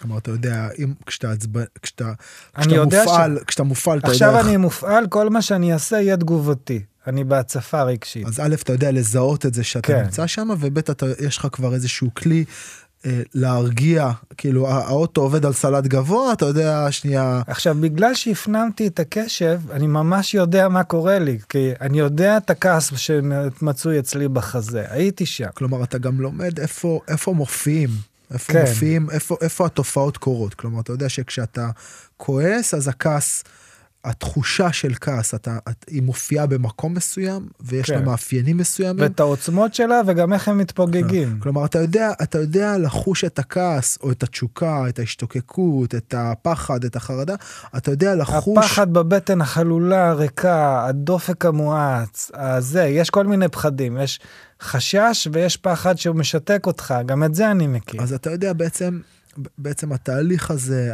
ההמשך של התהליך הוא, הוא למידת התופעות המנטליות, רגשיות, אה, קוגנטיביות שעוברות עלינו, ועוברות עלינו המון כאלה.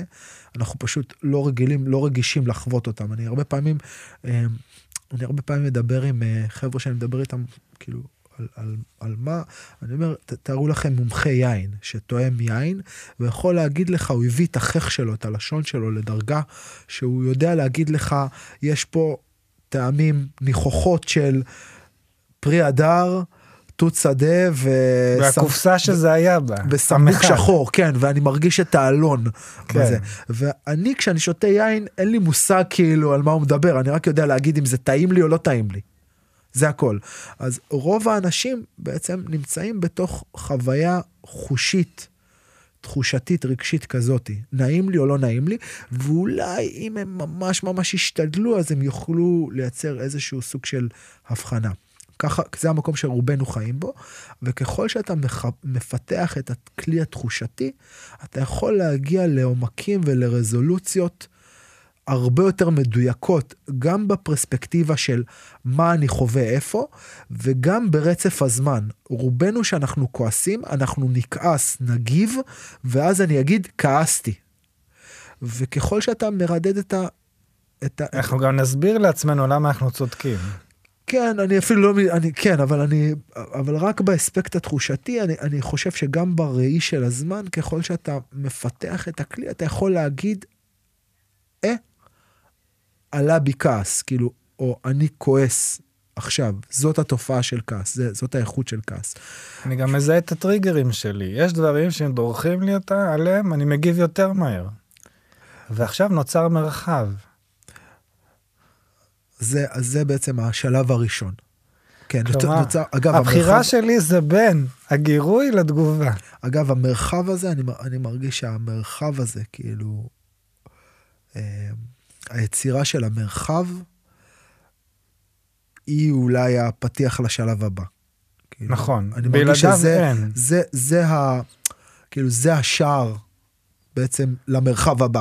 אם, המר, אם, אם העבודה הראשונית, אם העבודה הראשונה שלנו, אם דיברת על שלב א', מדיטציה שלב א', אם ריכוז. השלב, אם השלב הראשון, הריכוז, נעשה בתוך המרחב הגופני, סומטי, תחושתי, זה, זה המזרון נכון, שלי, כי זה גם, המכון. גם ילד שמשחק במחשב הוא מרוכז, אבל נכון. הוא לא מפנה את הריכוז הזה נכון, פנימה. נכון. אז, אז אם, אם, אם השלב הראשון, אה, כדי לעבוד, כדי לעשות את השלב הראשון, אני בעצם צריך, המרחב התרגול שלי הוא המרחב הסומטי, גופני, תחושתי, ושם אני עושה את העבודה כדי להשיג את כל מה שדיברנו. המעבר לשלב הבא הוא בעצם ביכולת שלי לייצר את ה buffer הזה, את הפער, את המרחב שבין ההתבוננות שלי לדבר, בדבר, לבין הדבר עצמו. נכון. זה, זה, זה הכניסה לשלב ב'. ותן לנו את הכותרת של, ה, של, ה, של ההמשך של הפרק שלנו, מה השלב השני? השלב השני זה החרב דוקרת את עצמה. אוקיי. אז בוא נדבר על ה... אז בוא נדבר על ה... אז בוא נדבר על השלב השני. מה זה אומר החרב דוקרת? שמעתי אותך אומר את זה הרבה, ו... ואני חושב שזו שאלה שמופיעה גם בצורה כזו או אחרת ב... ב... בקלאסיקות או, ב... או בכתובים. ומה זה אומר החרב דוקרת את עצמה? כי הרי ברור שהחרב לא יכולה לדקור את עצמה, נכון? תשאל את השאלה הזאת כן. לכל ילד. אגיד לך מה, אתה בא, אתה מסתלבט עליי, תרנגול הטיל ביצה? כאילו מה, מה זאת אומרת החרב דוקרת את עצמה?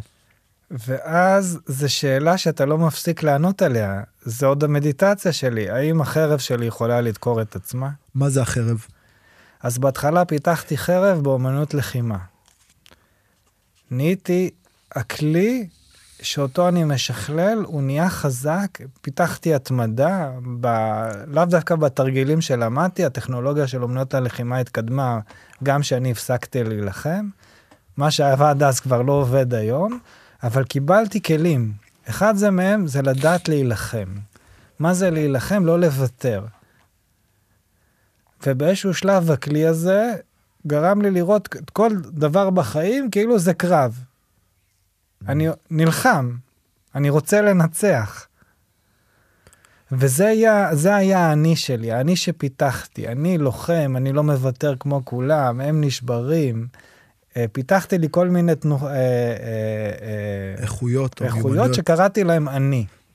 כן, אנחנו הרבה פעמים, הדבר שבו אנחנו מתעסקים, בעצם אנחנו מגדירים ומוגדרים על ידי ההתעסקות בדבר הזה. כלומר, אתה עושה אומנות לחימה, אתה עושה משהו של גוף, אתה בעצם מתחיל לבחון את העולם דרך הפריזמה הזו. נכון. ואז אם הייתי רואה מישהו שמוותר גם בעולם ההכרה, נגיד אותו מפגש עם החגורות שחורות וזה, אז אמרתי, אתם רגילים לכאב, איך זה שאתם נשברים ככה? אבל הם לא רגילים לכאב הזה, Mm. לאי נוחות הזאת, הם רגילים לאי נוחות גופנית של מאמץ. אין משהו לנצח. זאת אומרת, האם אני אעריך משהו שלא הושג בכאב של מאמץ? אז פה אני מפנה את החרב, כאילו, אני צמוד למשהו, אני מפנה אותה אל עצמי. האם זה רק אני? או שזה לא מספיק? זה שיודע להתעקש, להילחם, להפסיק, ב... לא להמשיך במקום שהרוב אה, מפסיקים. או האם אני מספיק חזק לקבל פגיעות? הרי כל הזמן בניתי את אני בורח מפגיעות, אני הכי חזק. אבל אני, האם לא, אני, אני מס... לא פגיע. אני לא פגיע, נכון. והחיים מראים לי שאני פגיע, שאני גם חולה, שאני מאבד אנשים, שאני לא מנצח בכל. אני לא יכול להגיד לאשתי, אני חגורה שחורה, אני יודע איך לנהל את הבית. אגב, ה- מבחינתי, אני, אני חושב שהמסע שלי לתוך המקום הזה התחיל מתוך ההבנה הזאתי, שקרתה לי לפני, לדעתי, משהו כמו, אני עושה מדיטציה המון זמן, כאילו, התחלתי לעשות מדיטציה בגיל אה, אה, 20, אני חושב. בצורה כזו או אחרת. בטפטופים, עם כל מיני זרמים, בכל מיני, אני מאוד מאוד אוהב להתנסות, זה, זה היה חלק מהתנסות, אבל uh, אף פעם לא בחיבור מלא. אני חושב שלפני משהו כמו 7-8 שנים, 8 שנים אולי, הייתה בי איזושהי הבנה, אה, פתאום קלטתי שאני לא הולך להיות הבן אדם הכי חזק על המזרון עוד הרבה זמן. כאילו, זה לא...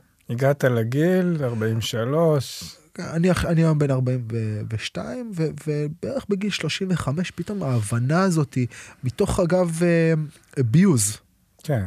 מתוך, ה, מתוך כאילו קלטתי שאני נהיה הרבה יותר פצוע, כאילו אני, אני מבלה יותר ויותר זמן.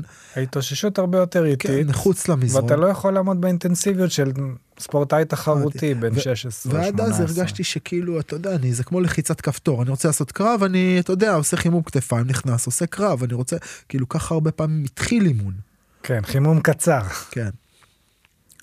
אה, ומתוך ההבנה הזאת, בעצם ההתעסקות שלי עם, עם הקמילה, עם ההבנה שבעצם ברגע שאנחנו נולדים, כאילו, ה, ה, יש פה איזה, איזה, איזה פייק כזה, אני לא פגיע, או אני מנצח, או אני חזק, זה, זה פייק אחד גדול, כי ברגע שנולדת, אתה בעצם על זמן שאול, ברגע נכון. שנולדת אתה מת.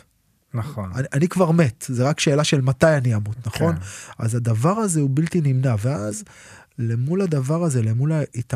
למול ההתעסקות עם, ה... עם הרגע הבלתי נמנע הזה שהולך להגיע מתישהו, החיים שלי מתעצבים למול, למול, למול הדבר הזה, כי כולנו בעצם, אם אני עוד פעם חוזר למקום הזה של חוסר שליטה, והמקום הזה של חוסר שליטה הגיע לי מתוך המזרון, קלטתי שאני לא, לא שולט באמת על מתי אני נפצע ומתי אני לא נפצע.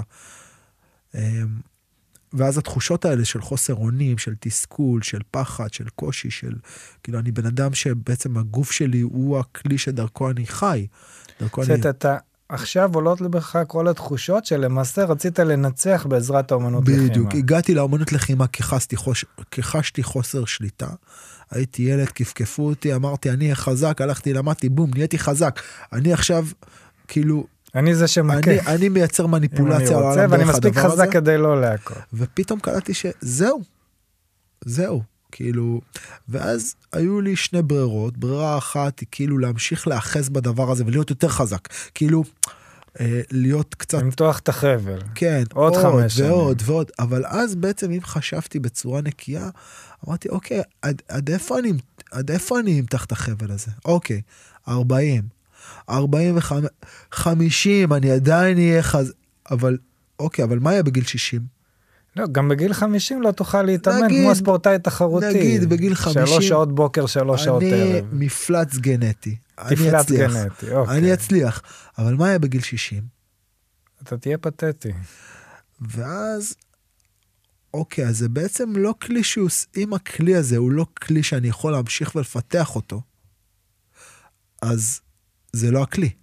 ורגע, ואת החוסר אונים לא תפגוש בחיים, גם אם אתה... הכי חזק. 50 הכי, הכי חזק. חזק. הכי חזק, הכי חזק. והיה לי מפגש לפני משהו גם כמו, כמו שמונה שנים עם חבר טוב, כאילו, אה, אה, באמת אה, חבר לדרך ב, ב, בדרך שלי, והיינו, הוא, הוא, הוא אה, אפילו אזכיר את שמו, ברק חדד, הוא איש קראטה, קראטקה מדהים, משפחה של קראטקות, ונפגשנו בבית שלו עם uh, מישהו. והמישהו הזה היה איש קראטה שהיה ב... מהאנשים הקשוחים שהיו בארץ. איש מטיל אימה. חזק בצורה בלתי תאמן. ו... והאיש הזה התארח אצלהם בבית, כאילו, אני מדבר איתך על מישהו שהוא כאילו אושייה של, אה, אושיית קראטה כזאת, אבל עוד פעם, מהסוג הישן, שאתה נכנס ואתה מזיז את האף לכיוון הלא נכון, והוא זורק עליך איזה צקי כזה ועושה לך חור בחזה, ואין... עם דרך כזאת קשיחה, כאילו, זאת הדרך.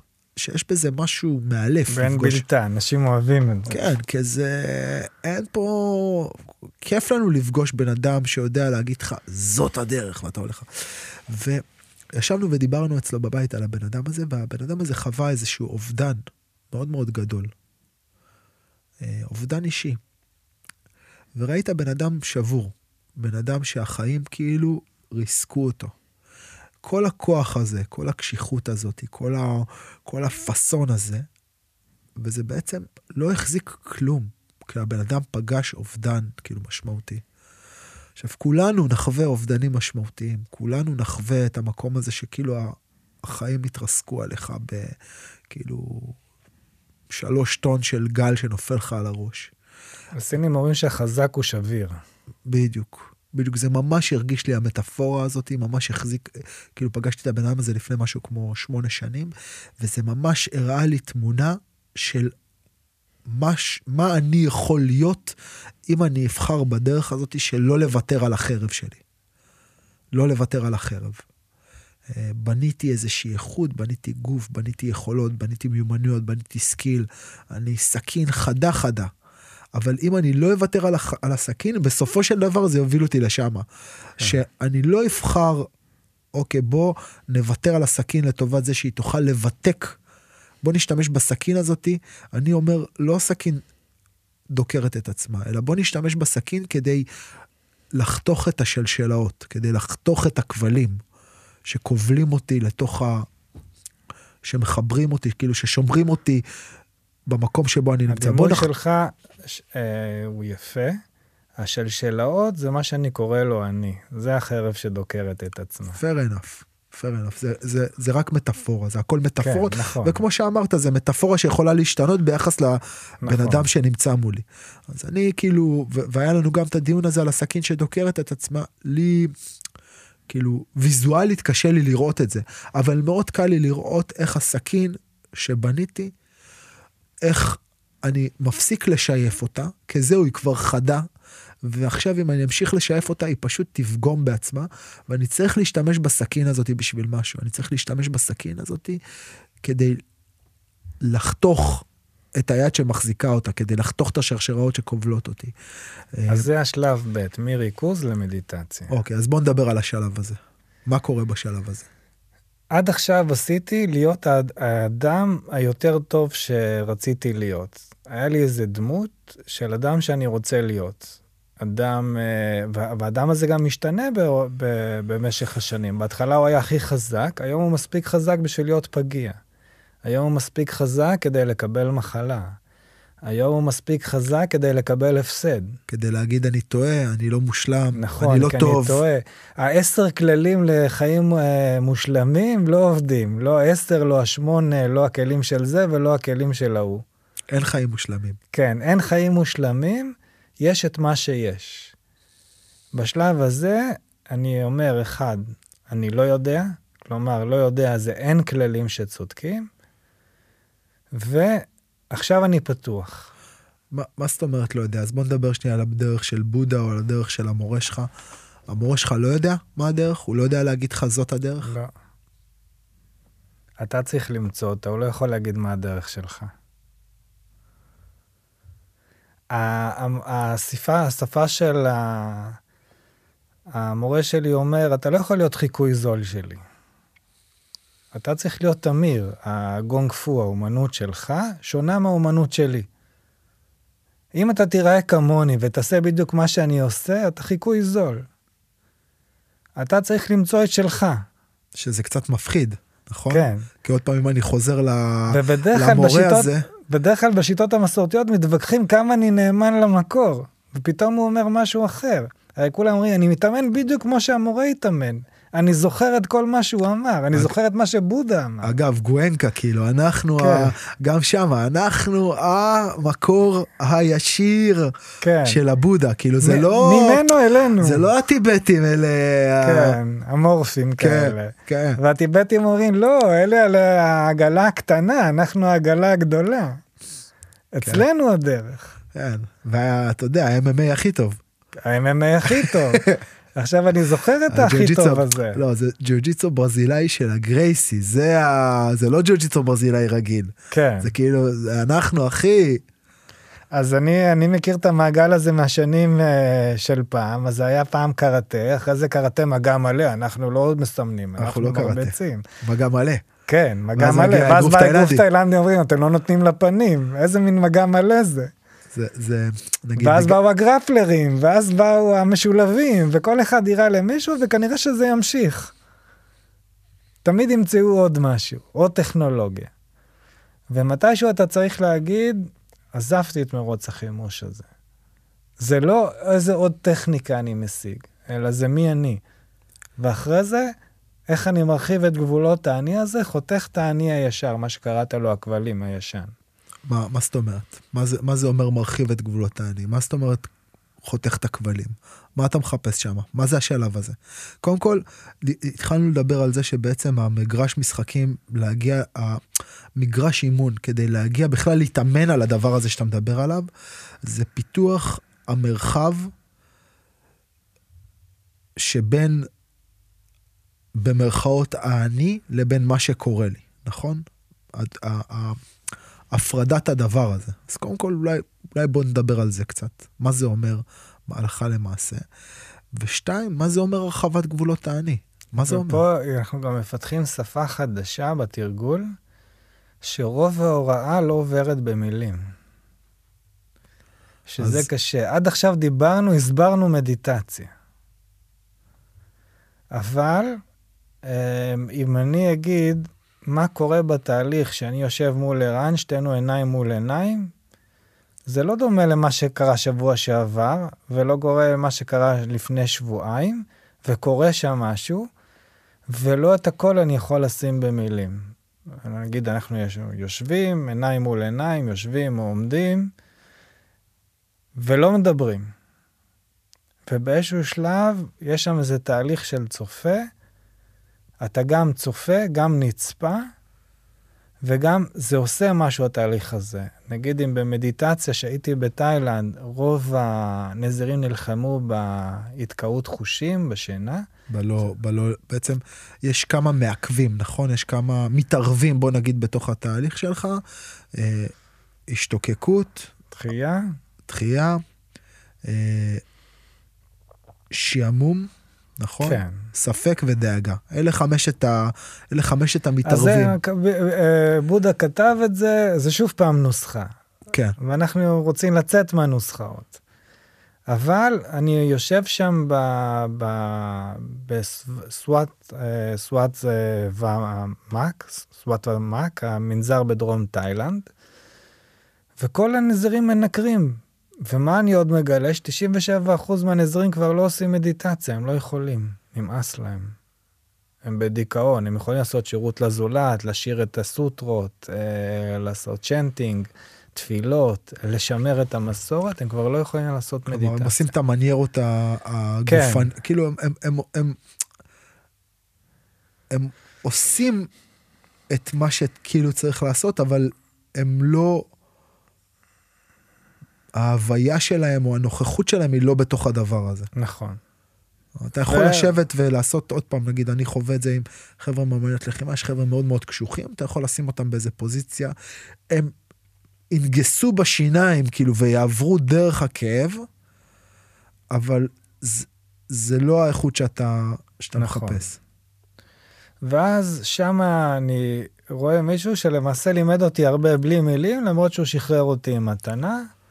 זה הנזיר שקוראים לו צם 40 יום. הוא היחידי שבא עם חיוך למדיטציה, יושב, לא דוגר אפילו פעם אחת, כלומר הראש לא נופל לו אפילו פעם אחת, וזה, אנחנו עושים את זה שעות. כלומר, שעה הליכה, שעה ישיבה, שעה ישיבה, שעה הליכה. והוא נמצא שם, והוא נשאר כזה, יושב כמו סלע, רגוע, עם חצי חיוך כזה, אתה יודע, אתה רואה בעיניים שיש לו כזה איזה משהו ער כזה, והוא מסיים את זה עם חיוך. ו... ואז שאלתי עליו, בעזרת אה, מתרגם לאנגלית, איזה נזיר אמריקאי שהיה שם, או משהו, אם אני זוכר נכון. ואז הוא אומר לי, ושאלתי אותו מה יצא שלך. אז קודם כל הסבירו לי את השם שלו, צם 40 יום, זה כי הוא היה מנקר במדיטציה, המורה שם אותו בשפה שלי, אגן המים, ואמר לו, אם תירדם, תמות. זה כזה בור ענק לאיסוף מים. הוא אמר, תירדם, תיפול. שם אתה צריך לעשות מדיטציה. והוא עושה את זה גם שהוא לא אכל 40 יום, אז מזה נתנו לו את השם. עכשיו שאלתי אותו, מה העצה שלך שאתה נותן לי כדי לא להירדם? אז הוא אמר, תראה, בדרך כלל אנשים באים לפה, עושים ויפאסנה, עושים אנה פנה יומיים, או שלושה. אני מציע לך לעשות את זה כמה שנים. תחזק את הקרן לייזר, אתה עוד לא במדיטציה. בכלל לא להתיימר, כאילו להגיע כן. למרחב הזה של... כן, אתה עוד לא בשלב הזה שאתה משמיד את עצמך, את האני הקטן שלך. וזה זה, זה הייתה מתנה מאוד רצינית. קודם כל, כמו שאתה אומר, לוחם לא יכול להיות עם גוף שלא יכול... אל, אה, אל, אל תעלה לקרב זירה אחרי חודש במכון. כן, גם אם אתה מבין את כל התיאוריה, קראת מימוטו מוסאישי, אתה מבין את האסטרטגיה שהוא אמר לך, ואתה בא לקרב ואתה לא יודע להחזיק את החרב. זה ה... זה. אז מה אם אתה יודע לצטט את התיאוריה? אתה צריך לבוא כשיר, כשיר מסוים. ואם דיברנו קודם על יוגה, כל המטרה שלהם היה בשביל להתחיל לעשות מדיטציה. כל האט היוגה, שתוכל לשבת בתנוחת המדיטציה שעה בלי שהגוף יטריד אותך. הגעת לזה, היית צריך לעזוב את האקרובטיקה. אבל מי יעזוב את מה שהוא השיג בכל כך הרבה שנים? כן, ועוד פעם, אנחנו מתמכרים לזה, ואגב, השיחה שלנו על הגדרה עצמית, כאילו, כשאני מגדיר, אני, אני עושה את הדבר, אני עושה את האמנות לחימה, אני עושה את היוגה, אני עושה את ה... whatever, מה ה practice שלי, ואני. אני מגדיר את עצמי דרך ה practice. כלומר, האגו שלי והגדרת העצמי שלי, ערן היום, ההגדרה של ערן, היא שלובה בתוך ההגדרה שלי כלוחם, כמאמן, כמנטור, כמורה, כאבא, כבעל. כלומר, יש המון כובעים שדרכם, דרך ה...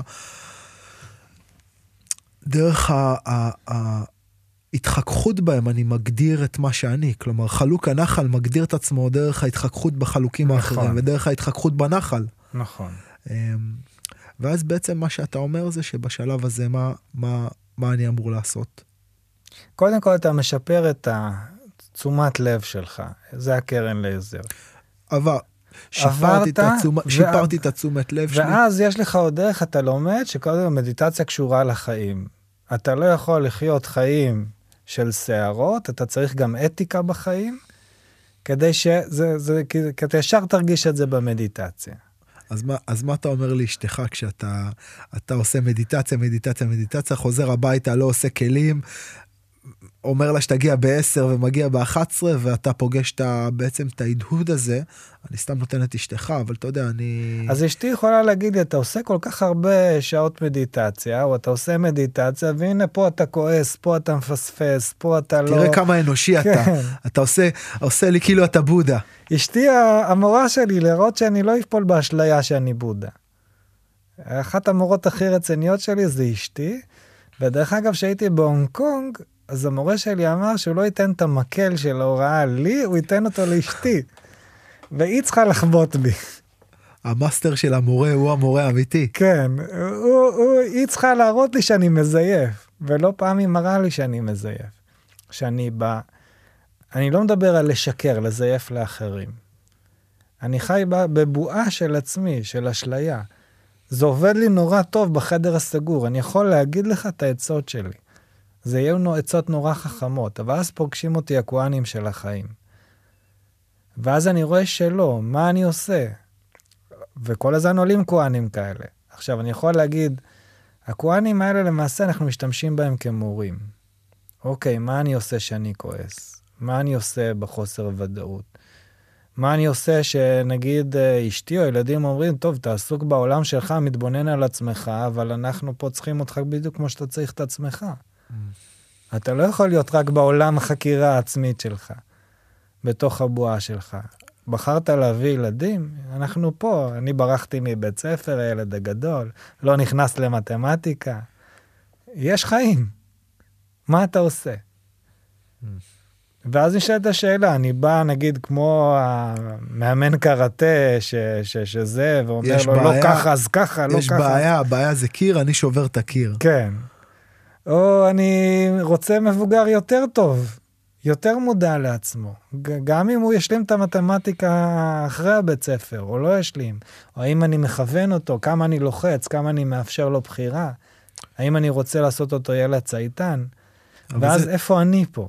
אבל זה שאלות שכאילו כל בן אדם שואל אותם, וגם המאמן קראטה, ההוא, אה, הוא כאילו רוצה לספק את התשובה, הוא רוצה את טובתו של הילד. אז הוא גם יגיד, אוקיי, כאילו, אם אני אהיה איתו רך מדי, או אני לא אשים לו גבולות, זה לא יהיה לו טוב, הוא לא ילמד משהו בחיים. אז ההתבוננות, אני אישית, באופי הבסיסי של אדם של שחור לבן, לבן, ודווקא המדיטציה פתחה אצלי מנעד. אני עוד לא נדיה קומנצ'י של האופי, אבל אני... אה, אה, נוצר. צריך איזשהו מרחב תמרון. אם דרך כאילו. הלוחם כן. הייתה, אוקיי, בוא אני אראה לך, או בוא נזיע ביחד, עכשיו יש לי מנעד. יש איזה משהו יפה דווקא, גם מתוך העבודה, עוד פעם, של העמידות התנועתי, שיש בעצם, כאילו אנחנו רגילים אה, שיש לנו או להיכנס פנימה, נכון? או לסגת. נכון. אבל יש גם את המקום של להכיל, כלומר, כן לשמור על המבנה שלך, ובתוך המבנה לוותר על איזה משהו כדי שתהיה איזושהי סוג של תזוזה פנימית למול הדבר, ולא... ואז זה שקול איזשהו תהליך שיש לנו לפעמים בחיים. כאילו, זה או... ה... אני אספר סיפור שמדגיש את זה. אני נמצא בהונג קונג, וכמה חודשים, וזה, המורה מחליט שהוא רושם אותי לאליפות עולם ב pushing, אז אני אומר לו, מה לי ולזה?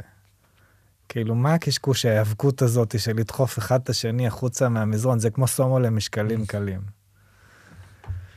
וזה, הוא אומר, לא, אני רוצה שתנסה. ואז אנחנו אומרים, המורה שנותן דרך, קודם כל אצל, אני מסביר לתלמידים למה אני לא הולך לשם, והם אומרים לי, אתה לא הבנת, המורה אמר, אתה עושה. ואני מסביר להם למה זה לא טוב, ולמה זה, וזה לא הדבר האמיתי, ואני חיפשתי לעבוד על ההכרה, והם אומרים לי, לא, הוא אמר, ואתה עושה. ככה זה זה, בסוף אני עושה. אמ, אני ניגש לאליפות, מקום ראשון, מקום שלישי, לוקח איזה כאור. כי לסינים יש מילת גנאי לכושי. אה, ולמילת גנאי ללבן, גוויילו, רוח רפאים לבנה, ולכושי שם אחר, הם צהובים. אז כאילו יש להם שמות, כאילו אנחנו המערבים הם קצת יותר דומים לקופים, גם שעירים וגם uh, כל הזמן עם הרגשות שלנו. בהיטר כזה, אז כאילו נראה להם... מופ, uh, מופעלים. כן, מופעלים. מופעלים. כמו ילדים קטנים, לא מתבגרים. ו... והוא היה מקום שלישי, והייתה מישהי, והוא נידו אותו גם מהנבחרת האנגלית, בגלל שהוא שחור.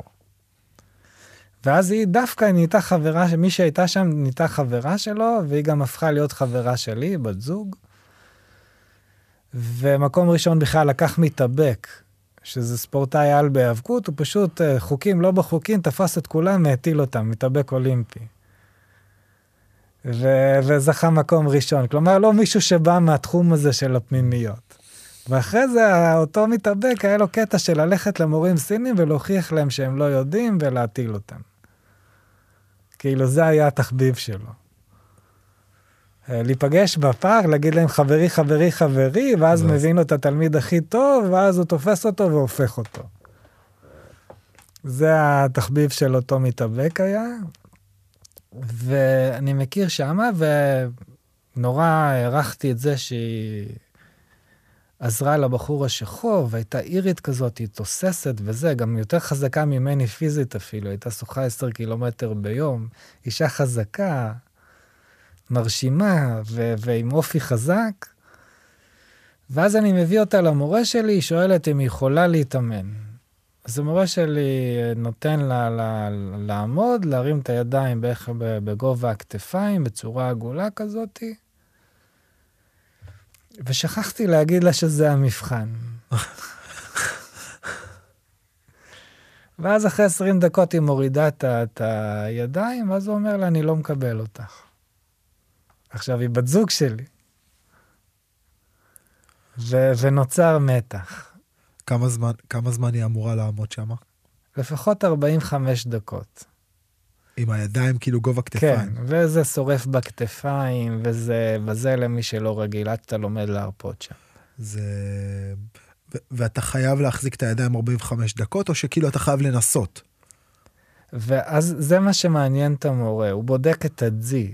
הסינים אומרים שהכוח רצון, ניתן לטפח אותו, אבל הוא מולד. זה כמו שאנחנו אומרים, כל אחד יכול להיות uh, לרוץ, או רוב האנשים יכולים לרוץ אם הם לא נכים, אבל לא כל אחד יהיה לוסיאן בולט. ואז המורה שלי מנפה, אתה לטיפוח הבריאות, אתה לעבודה על ההכרה. הוא עושה את זה על ידי מבחן יחיד כאילו? לא, כמה מבחנים. אז זה היה המבחן השני, שהוא אמר לה שהוא לא מקבל אותה. זאת אומרת, גם כשאני באתי, הוא אמר שאני לא, שהוא לא מקבל מערבים ונשים. היה לו שלושה מערבים, שלושה נשים. שלוש נשים ש, שזה, אחת מהן הייתה ממש טובה, אבל הוא תמיד מוצא משהו להגיד לך למה לא. וזה יהיה פוגעני. אז למה, למה הוא אמר לך שאתה לא? אז, אז אני, כשאני באתי, ראיתי מישהו עומד שעה לא זז והעיניים לא זזות. זה לא שהוא לא רק שומר על התנוחה, הוא לא עוצם את העיניים ובורח לעולמו הפנימי ומחכה שזה יעבור. העיניים שלו ממוקדות שהוא עומד, ואני יודע שבשביל להגיע למצב הזה שאתה עומד את העמידה והעיניים שלך לא זזות, השגת משהו.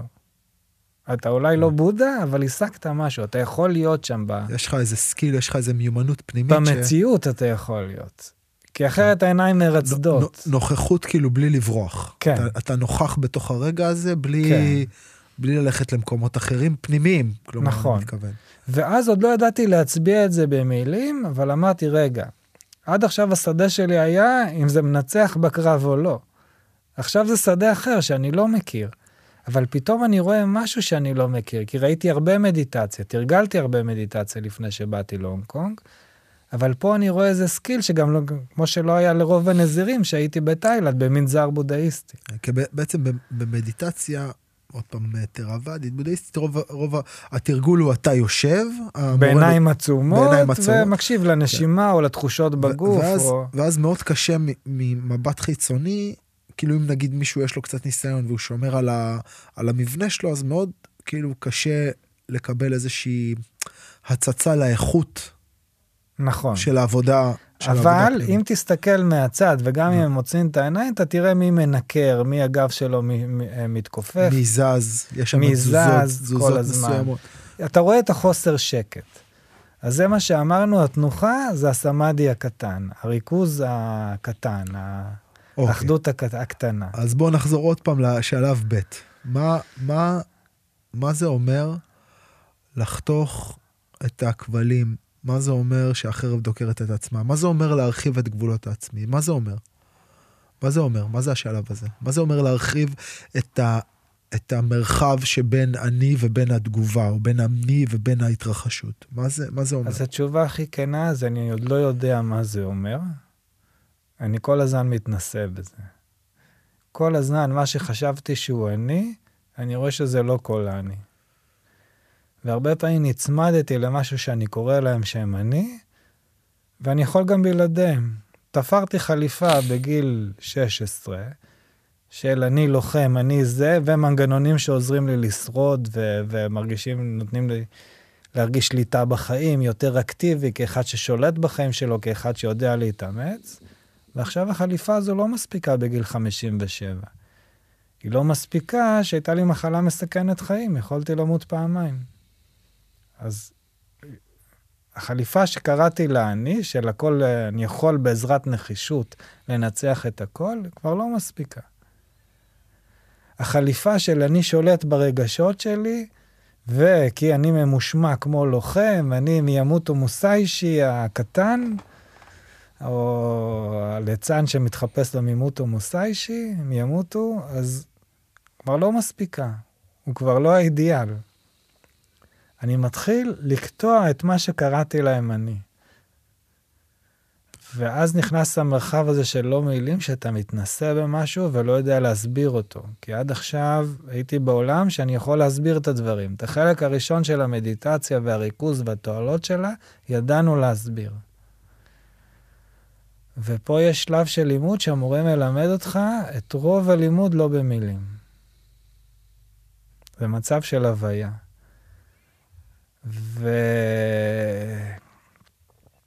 ורוב האנשים מלמדים את החלק הראשון, זה חלק שקשה לך להבין. פגשתי רק שלושה אנשים אה, שנתנו לי השראה בעולם הזה. אחד זה אותו נזיר שקראו לו צם 40 יום. השני זה המורה שלי, בגלל זה בחרתי בו כמורה, והיה עוד מורה שקראו לו המורה וונג, מאסטר וונג, שהוא לא יכול ללמד אותי כי יש לי מורה בדרך המסורתית. זאת אומרת, הוא לא התערב למורה. אבל אני הייתי מתאמן בפארק ועושה את העמידות שלי, וכל פעם היו שני תלמידים שלו באים, מדברים איתי בהתחלה בנימוס, רצו לראות מי הזר הזה שעומד שם כל כך הרבה שעות, או מתאמן כל כך הרבה שעות. אז קראו לי הזר שמתאמן הרבה שעות.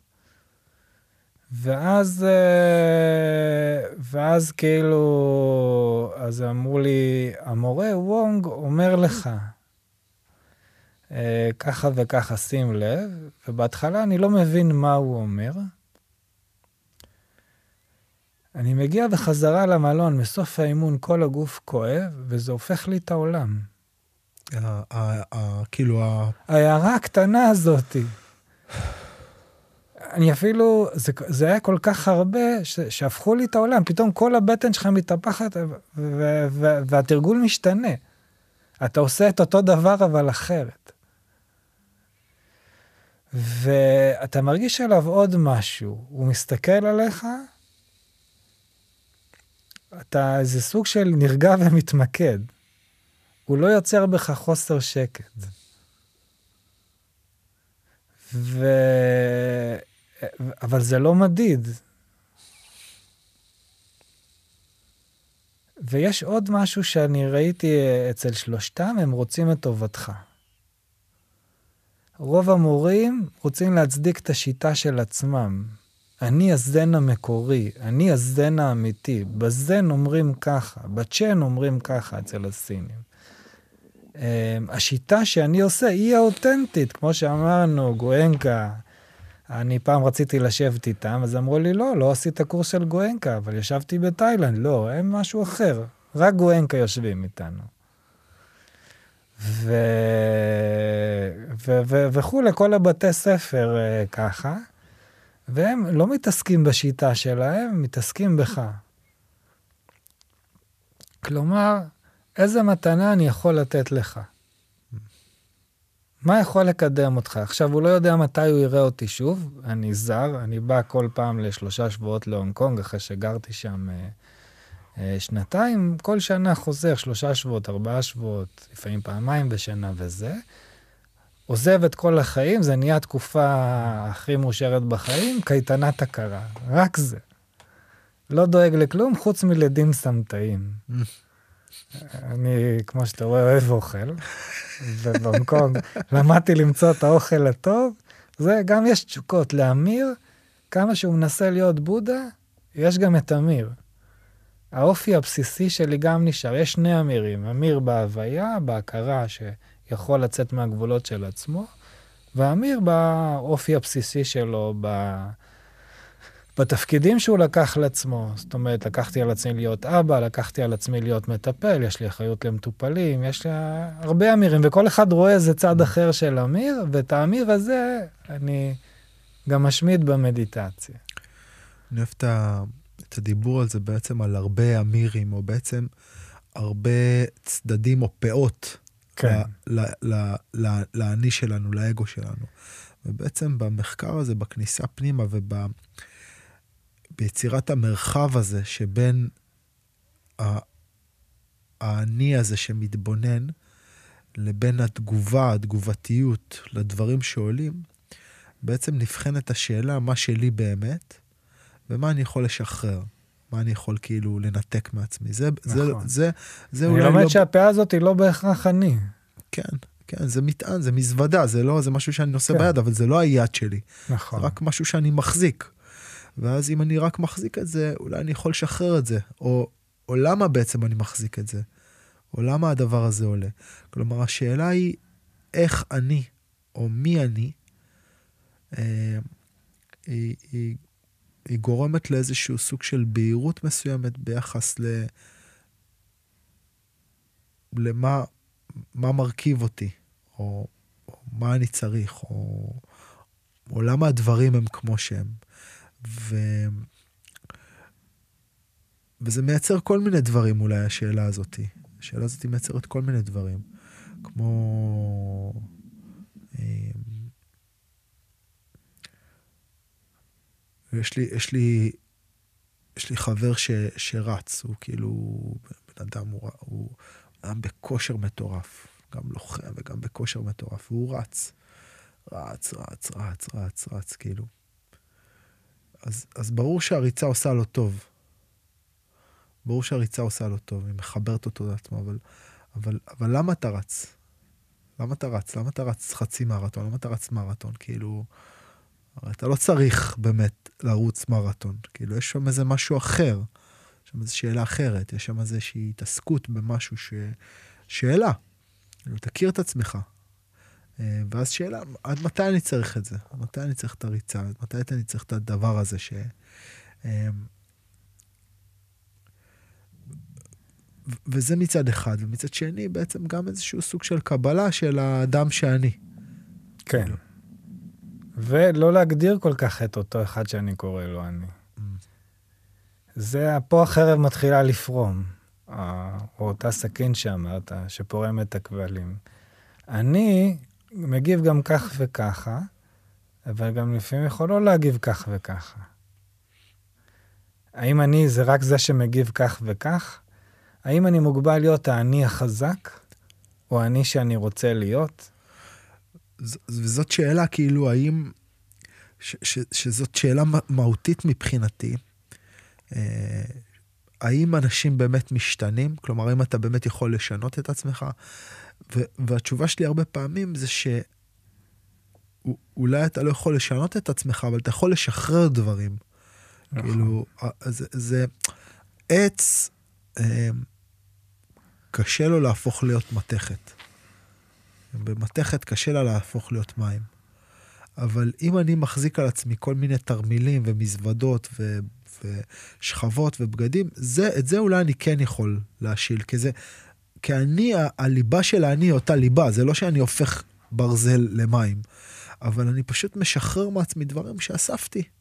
לאורך החיים, גם ברמה הסומטית גופנית, כאילו גם ברמה של צלקות על תוך, בתוך הגוף שלי, מקומות שבהם הכאב נאגר, שזה אולי קשור לחלק הראשון של השיחה, אבל, אבל אני כאילו יכול לשחרר את זה ולהכניס תנועה ו, ושחרור לתוך מקום שהייתה בו סטגנציה וקושי וצלקת, אז זה, זה אחד.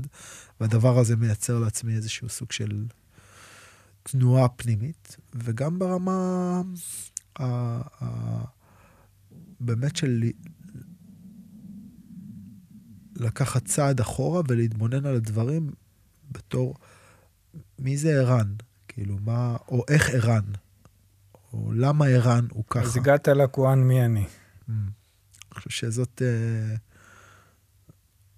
כן, אני חושב שזה אולי אחד הד, אחת השאלות החשובות שנשאלות.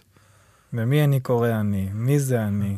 אגב, לי, לי יש איזו חוויה שלי, אני בן עשר, אה, זוכר את זה בבית של ההורים שלי, עומד מול המראה, מסתכל על המראה, ואני רואה את עצמי, רואה את עצמי במראה, ויש לי שאלה כאילו שעולה מתוך המפגש הזה של מי זה, מי זה, מי בעצם רואה את עצמו במראה. מי זה? מי אני? אה, הגעת לשאלה בגיל 10 הכי חשובה לשלב ב'. אה, אני חושב שזאת שאלה שמלווה אותי מאז, אני לא יודע, כאילו, והיא שבה ונשאלה בכל מיני מקומות, אבל עכשיו, עכשיו רוב הזמן אתה לא באמת רואה את עצמך. והשאלה השנייה, מה אתה רואה? כי אתה לא רואה את המציאות. אני מסתכל על ערן, אני מקרין עליו, ערן לוחם, ערן חבר. אתה מסתכל על ערן ואתה רואה את אמיר. נכון, אני רואה פתקים ששמתי על כן, ערן. כן, אתה רואה את, את הפרשנות שלך. אני לא יכול לראות את ערן. וזה דרך אגב המשפט של פטנג'לי, שאתה מפסיק את תנודות ההכרה, כלומר אתה מפסיק להקרין, אתה מצוי בראייה של עצמך, אתה רואה את הדבר העצמו. רק כשאני אפסיק להקרין ויסכים לא לדעת, אני אוכל לראות מה יש. כן. כן, כל עוד אני מגדיר אותך, אני לא רואה אותך. אני לגמרי, לגמרי מסכים, ו- וגם זה, זה איזשהו תהליך שלאט לאט, נגיד, אני אתמול פגשתי איזה, פגשתי מישהו, שלא, לא מישהו שיש לי איזה היכרות עמוקה איתו, מישהו שפגשתי אה, לפני הרבה זמן, והיכרות דרך איזה חבר צד שלישי, ואז אה, פגשתי, ו- ופתאום שמתי לב שיש לי המון ביקורת, כאילו הדבר הראשון שעולה לי זה ביקורת, כאילו, אני מתייג ואני ביקורתי מאוד. ואז אה, קלטתי שזה בכלל, אה, הבן אדם הזה הוא, הוא רק מסך. אני מקרין על המסך הזה איזה שהם, את הטריגרים שלך. כן, איזה שהם, אני מקרין עליו את עצמי. את השיפוטיות שלי, את הביקורת שלי, את הפרשנות שלי על המציאות, ואולי הפרשנות שלי לפעמים גם טובה, אבל היא רק פרשנות, כאילו זה, זה, זה רק משהו מסוים אה, שאני רואה, שאני בוחר זה, לראות. זה ההגדרה הראשונה לשלב ב', לא לדעת. Mm. השלב השני זה אין מה להשיג. זאת אומרת, כלומר, שני ההוראות האלה עובדות ביחד, זה לא שלבים. חידדנו את הקשר, את, ה, את הקרן לייזר בשלב א', אתה מודע לזה שהביקורת עולה, אתה רואה איפה הביקורת מופיעה לך בגוף, כן. אני רואה שכאילו החזה שלי ננעל, שהגרון שלי מוצר, אני, אני רואה, בעצם אני נוכח לדבר את הזה. שרשרת התגובות, אתה אני רואה. נוכח לשרשרת התגובות, אני מייצר לעצמי מספיק מרחב פנימי כדי לשים לב שהתגובות עולות, והתגובות זה לא אני, נכון. התגובות זה לא אני, כאילו זה שאני חווה את הדבר הזה ככה, זה לא אומר שזה אני, ואז יש וגם לי... אני זה לא טוב בהכרח. כן, כאילו, מה אתה אמרת? איך שאני זה טוב, ואיך שהוא זה פחות טוב. כאילו. כן, כן, איזושהי אמת מידה פנימית כזאת, כן. אה, שיש בה איזשהו סוג של שיפוטיות. כן. ואז אתה הגעת לשלב שאתה רוצה להתבונן במציאות. אז אתה צריך לא לדעת, כי כל עוד אתה לא יודע, אתה מקרין, אתה לא רואה אותה. והאין מה להשיג, זה קשה לי להיפטר משלב ראשון, כי עשיתי מדיטציה כדי שזה יעזור לי עם הילדים, יעזור לי עם, ה... עם החיים, יעזור לי לא להגיב, יעזור לי לפתוח מרחב. היה לי המון תוצאות במדיטציה, ופתאום המורה אומר, אין מה להשיג. והוא אומר, אם תנסה להשיג, אתה אף פעם לא פה. אתה במקום שאתה חושב שאתה צריך להיות. אתה לא נמצא פה כרגע. וכל מה שאתה עושה זה להיות פה, לא במקום שאתה רוצה להיות. כלומר, זה לא תוכנית למכירת אשליות, אם אני אעשה מדיטציה, אני אהיה קוסם, אני אקרא מחשבות, אני... גם ה, בעצם, גם ה, זה שאתה עושה מדיטציה כדי שיהיה לך כאילו יותר טוב, זה איזשהו סוג של השתוקקות. נכון. גם זו השתוקקות. נכון. ואז בעצם אתה אומר שהשלב הבא הוא, הוא, הוא לעשות את התרגול רק בשביל לעשות... אין דבר שאתה אמור להשיג חוץ מ... להיות פה, חוץ מלעשות את התרגול, חוץ כן. מלהיות נוכח בתרגול, זה הכל. זהו. וזה קשה. אתה כל הזמן מחפש, רגע, אני עכשיו צריך לקום בבוקר, יש לי באמת יום עמוס. למה, צריך- למה להשקיע שעה עכשיו? כן, בשביל אין מה להשיג. קודם עשיתי את זה כי השגתי כל מיני כן. דברים. עכשיו זה אין עשה לי מה את היום להשיג. יותר טוב, יותר רגוע, כן. אני יותר ממוקד, ועכשיו כאילו, ייתכן שאני יותר עצוב.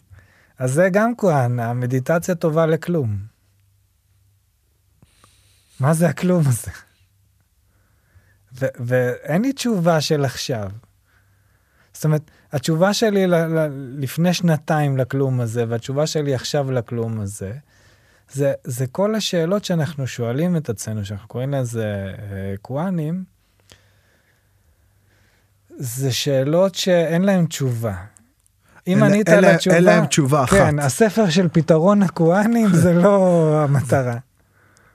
כן, אין, מה שנקרא, אין תשובת בית ספר. כן, יש ספרים כאלה שיש דיאלוג בין נזיר לתלמיד, והוא שואל את הכהן והוא עונה לו את התשובה. מהו ו- הבודה. מהו הבודה, חתיכת קקי יבש. כן, ואז כאילו זה, ואז גם התלמידים מנסים לחכות, כי הוא שאל אותו, האם לכלב יש טבע הבודה, והוא מחא כף, והוא אמר, הציפור עושה ככה. כי זה מה שהיה עכשיו. אז התלמיד לומד לשנן את זה, אבל הוא לא שם. אולי, אה, אני מרגיש שכאילו, אתה יודע, אני אני מרגיש אולי כל המרבה גורע במובן אז, הזה. אז בואו נדבר רק על הדבר הקטן. מה קורה במרחב הזה, שאנחנו יושבים מול החי... האחד על השני, ועיניים מול עיניים, ולמעשה אין שם מילים. אמ, אז אתה מדבר על התרגול אולי כן, שלנו, כן. תרגול שהוא כן. ייחודי במובן הזה, ואני מרגיש שבתרגול הזה, אם, אם אני בתוך המרחב הגופני שלי, בשלב הראשון, אה, מייצר איזשהו מרחב שבו הדברים קורים, והמרחב זה הגוף. בשלב השני, אולי ה- ה- ה- היכולת שלי להיפרד מהתופעות הגופניות, או לייצר איזה buffer, לייצר איזה מרחב שביני ובין הדבר, זה המקום שבו ה- העבודה קורית, זה, זה המרחב התרגולי בשלב השני. ואני מרגיש שכשיש מישהו מולך, אז ה- לפעמים נוצר משהו שלישי. המרחב שבין לבין, כאילו הגשר הזה שבין האדם שמתבונן בך ומכיר, ואתה בתוך עצמך, אבל יש שם איזה משהו במבט הזה ש...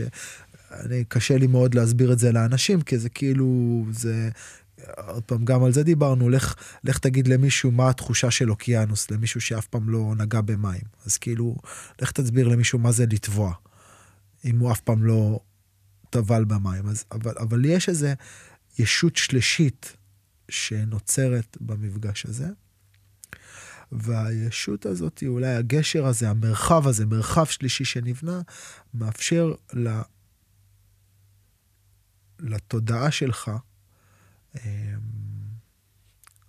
כמו שאני מבין אותה, אה, לפרוץ, כאילו להתרחב. בעצם, אמ, אם המרחב הזה שבין לבין הוא, הוא, הוא, אה, הוא איזשהו סוג של משפך או מקרן, אז התודעה שלך בעצם מוקרנת או מצליחה לפרוץ את הגבולות של, של המרחב האישי שלך, והיא נקשרת במשהו רחב יותר. ומה זה שונה מהתרגול שלך לבד? אמ,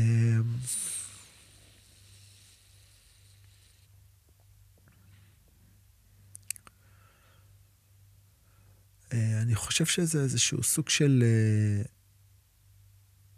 משהו שמהדהד את העצמי או את ההכרה שלי למקום שהוא רחב יותר. זה כמו שתשאל אותי אולי מה ההבדל בין לתופף על תוף קטן לבין לתופף על תוף גדול. אז, אז יש איזשהו הד רחב יותר, וזה, אמ, וזה משפיע, משפיע על התהליך, זה משפיע על, על איך שאני, זה כאילו, בתוך הדבר הזה יש גם מקום של להיות ערב למישהו, אבל גם להיות מוכל על ידי מישהו. אני מרגיש שלפעמים, כמו שאמרת, המבט או האיכות גורמת להתמרה של התהליך, גורמת לי להיות גדול יותר, גורמת לי להיות מוחזק יותר, גורמת לי להיות מחוץ לעצמי, גורמת לי להיות במקום אולי יותר אמפתי, אולי יותר קשוב, אולי יותר... אני מרגיש שאם בעבודה אישית, עצמית, כאילו, יכולים להיות יותר רגעים אולי של משהו כזה שהוא יותר... אה, כאילו, כאילו, אני יכול לאפשר לעצמי להוריד לפעמים את, ה, את, ה, את הגל, את העצימות של, ה, של, ה, של ההתכווננות שלי, את העצימות של ההתפקסות שלי, אז אני מרגיש שבסוג כזה של עבודה, אתה, כאילו, כשיש שם מישהו שהוא, אה, כשאתה סומך עליו, ושיש איזשהו משהו בתוך התהליך הזה, ש, שזה קשר בתוך התהליך הזה, שזה הרבה פעמים נכון, עוד פעם, לכל סוג של עבודה, גם לב, בכל מיני דינמיקות קבוצתיות, אז, אז אני מרגיש שהאיכות וה... אינטנסיביות שת, של התהליך היא, היא יותר גבוהה. כלומר, זה מעצים. זה מעצים. כאילו, נגיד, אנחנו יושבים שעה, אני מרגיש שזה שקול לשלוש שעות. כן. ש, כאילו, שאם הייתי עושה לבד, אני מרגיש שכאילו אני יוצא מה, מהדבר הזה עם, עם, עם יותר מידע, עם יותר כאילו, כאילו, כן, הייתי יותר ב, ב, ב, יותר אסוף, יותר, יותר... אמ, כן, אנחנו בדרך כלל נפגשים בסוף היום, סוף היום שלך שהוא די ארוך, סוף היום שלי סיימתי את הטיפולים מהבוקר, ובצורה הזאת של התרגול אתה כמעט לא נלחם בשינה. זה נותן לך איזה בוסט ומאיר אותך, וזה המקור, במקור התפקיד של המורה פה, שתינו משמשים כמורים אחד של השני. וגם בתהליך הלמידה שאני למדתי, גם התלמיד הוא מורה של המורה. אולי אה, אנחנו ככה לקראת, אה, לתוך הסיום שלנו, אולי תן איזה, רציתי, שאלתי את זה, שואל את זה הרבה מורים, ואותך לא שאלתי, ממש בקצרה, איזה המלצה על, בוא נגיד, איזשהו תוכן מסוים, ספר, סרט, מאמר, ראיון, משהו שמבחינתך אתה יכול להגיד, זה משהו שהייתי ממליץ לאנשים להיחשף אליהם? אמ, היו הרבה ספרים שגרמו לי uh, להרהר. חלקם לקחתי וחלקם עזבתי. אה, אפשר להגיד Zen Mind, Beginner's Mind של סוזוקי. זאת אומרת שהוא... Zen Mind, Beginner's Mind של סוזוקי. הטאו טה צ'ינג על תרגומיו השונים. אממ. אתה כאילו קורא אותו בהתחלה, כאילו זה ספר. אחרי זה אתה קורא אותו, אתה יכול לפתוח אותו רנדומלי, ואתה יכול להגיד, רגע, מה אני יכול לקחת מזה עכשיו? שאלת הרב. לפתוח את הספר כן. של הרבי מלובביץ'. אז, אוקיי. אז, אז את העולם ההוא אני פחות מכיר, אבל פה אתה, אתה רואה שכל דבר יכול לגרום לך אה, לעשות. אני אוהב לקרוא את, uh, את השירה של בשו, mm. את האייקו, כאילו, ו- וגם אני, אני אוהב לכתוב את זה, לא כי אני רוצה להיות משורר, אלא כי זה גורם לך להיות ברגע. זה עוד פריזמה שדרכה אתה יכול כן. למקד את המודעות שלך. אתה מתאר את הרגע הזה בקצרה. Mm. שזה גורם לך לאבד בעצם, זה עוד איזשהו דרך לאבד את, ה, כן. את, ה, את המציאות ולגרום לחרוש את השדה של, ה, של התודעה. להיות כאן ועכשיו דרך, דרך פריזמה מסוימת. ואני קורא גם אייקו מודרני שהוא יוצא מהתבניות של רק לתאר, אה, כאילו בשורה אחת מתאר כן. זמן ובשורה וכולי וכולי ומבנה 575. אלא גם יש שם רגש. כן. אז זה, זה גם uh, מי שרוצה כאילו לעלעל uh, יכול ולקרוא, ובעיקר uh, לא לסגור. לא זאתי השיטה. זאת אומרת, אני לוקח את ה... את ה... נגיד סוטרת הלב האחרונה, כאילו, לדעתי הכי גבוהה של הסוטרות, הוא אומר, כל מה שלימדתי קודם, בשלב הזה לא קיים.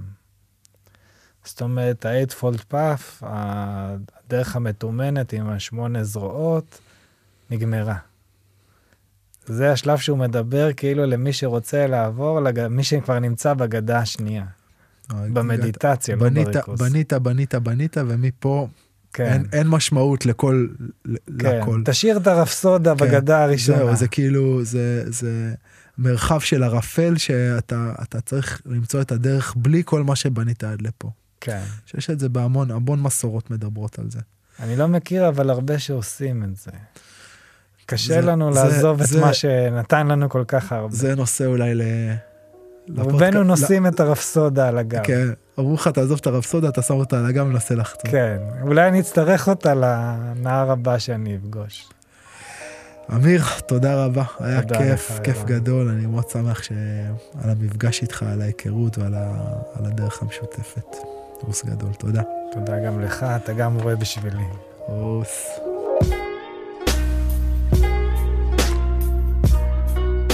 חברים, תודה רבה שהקשבתם לנו עד כאן. אתם מוזמנים לעקוב אחרי הערוץ, להצטרף לקהילה בפייסבוק, שם אנחנו מעלים קטעים מתוך הפרקים, וגם כל מיני דברים אה, אה, מעניינים שאני נתקל בהם, או ש...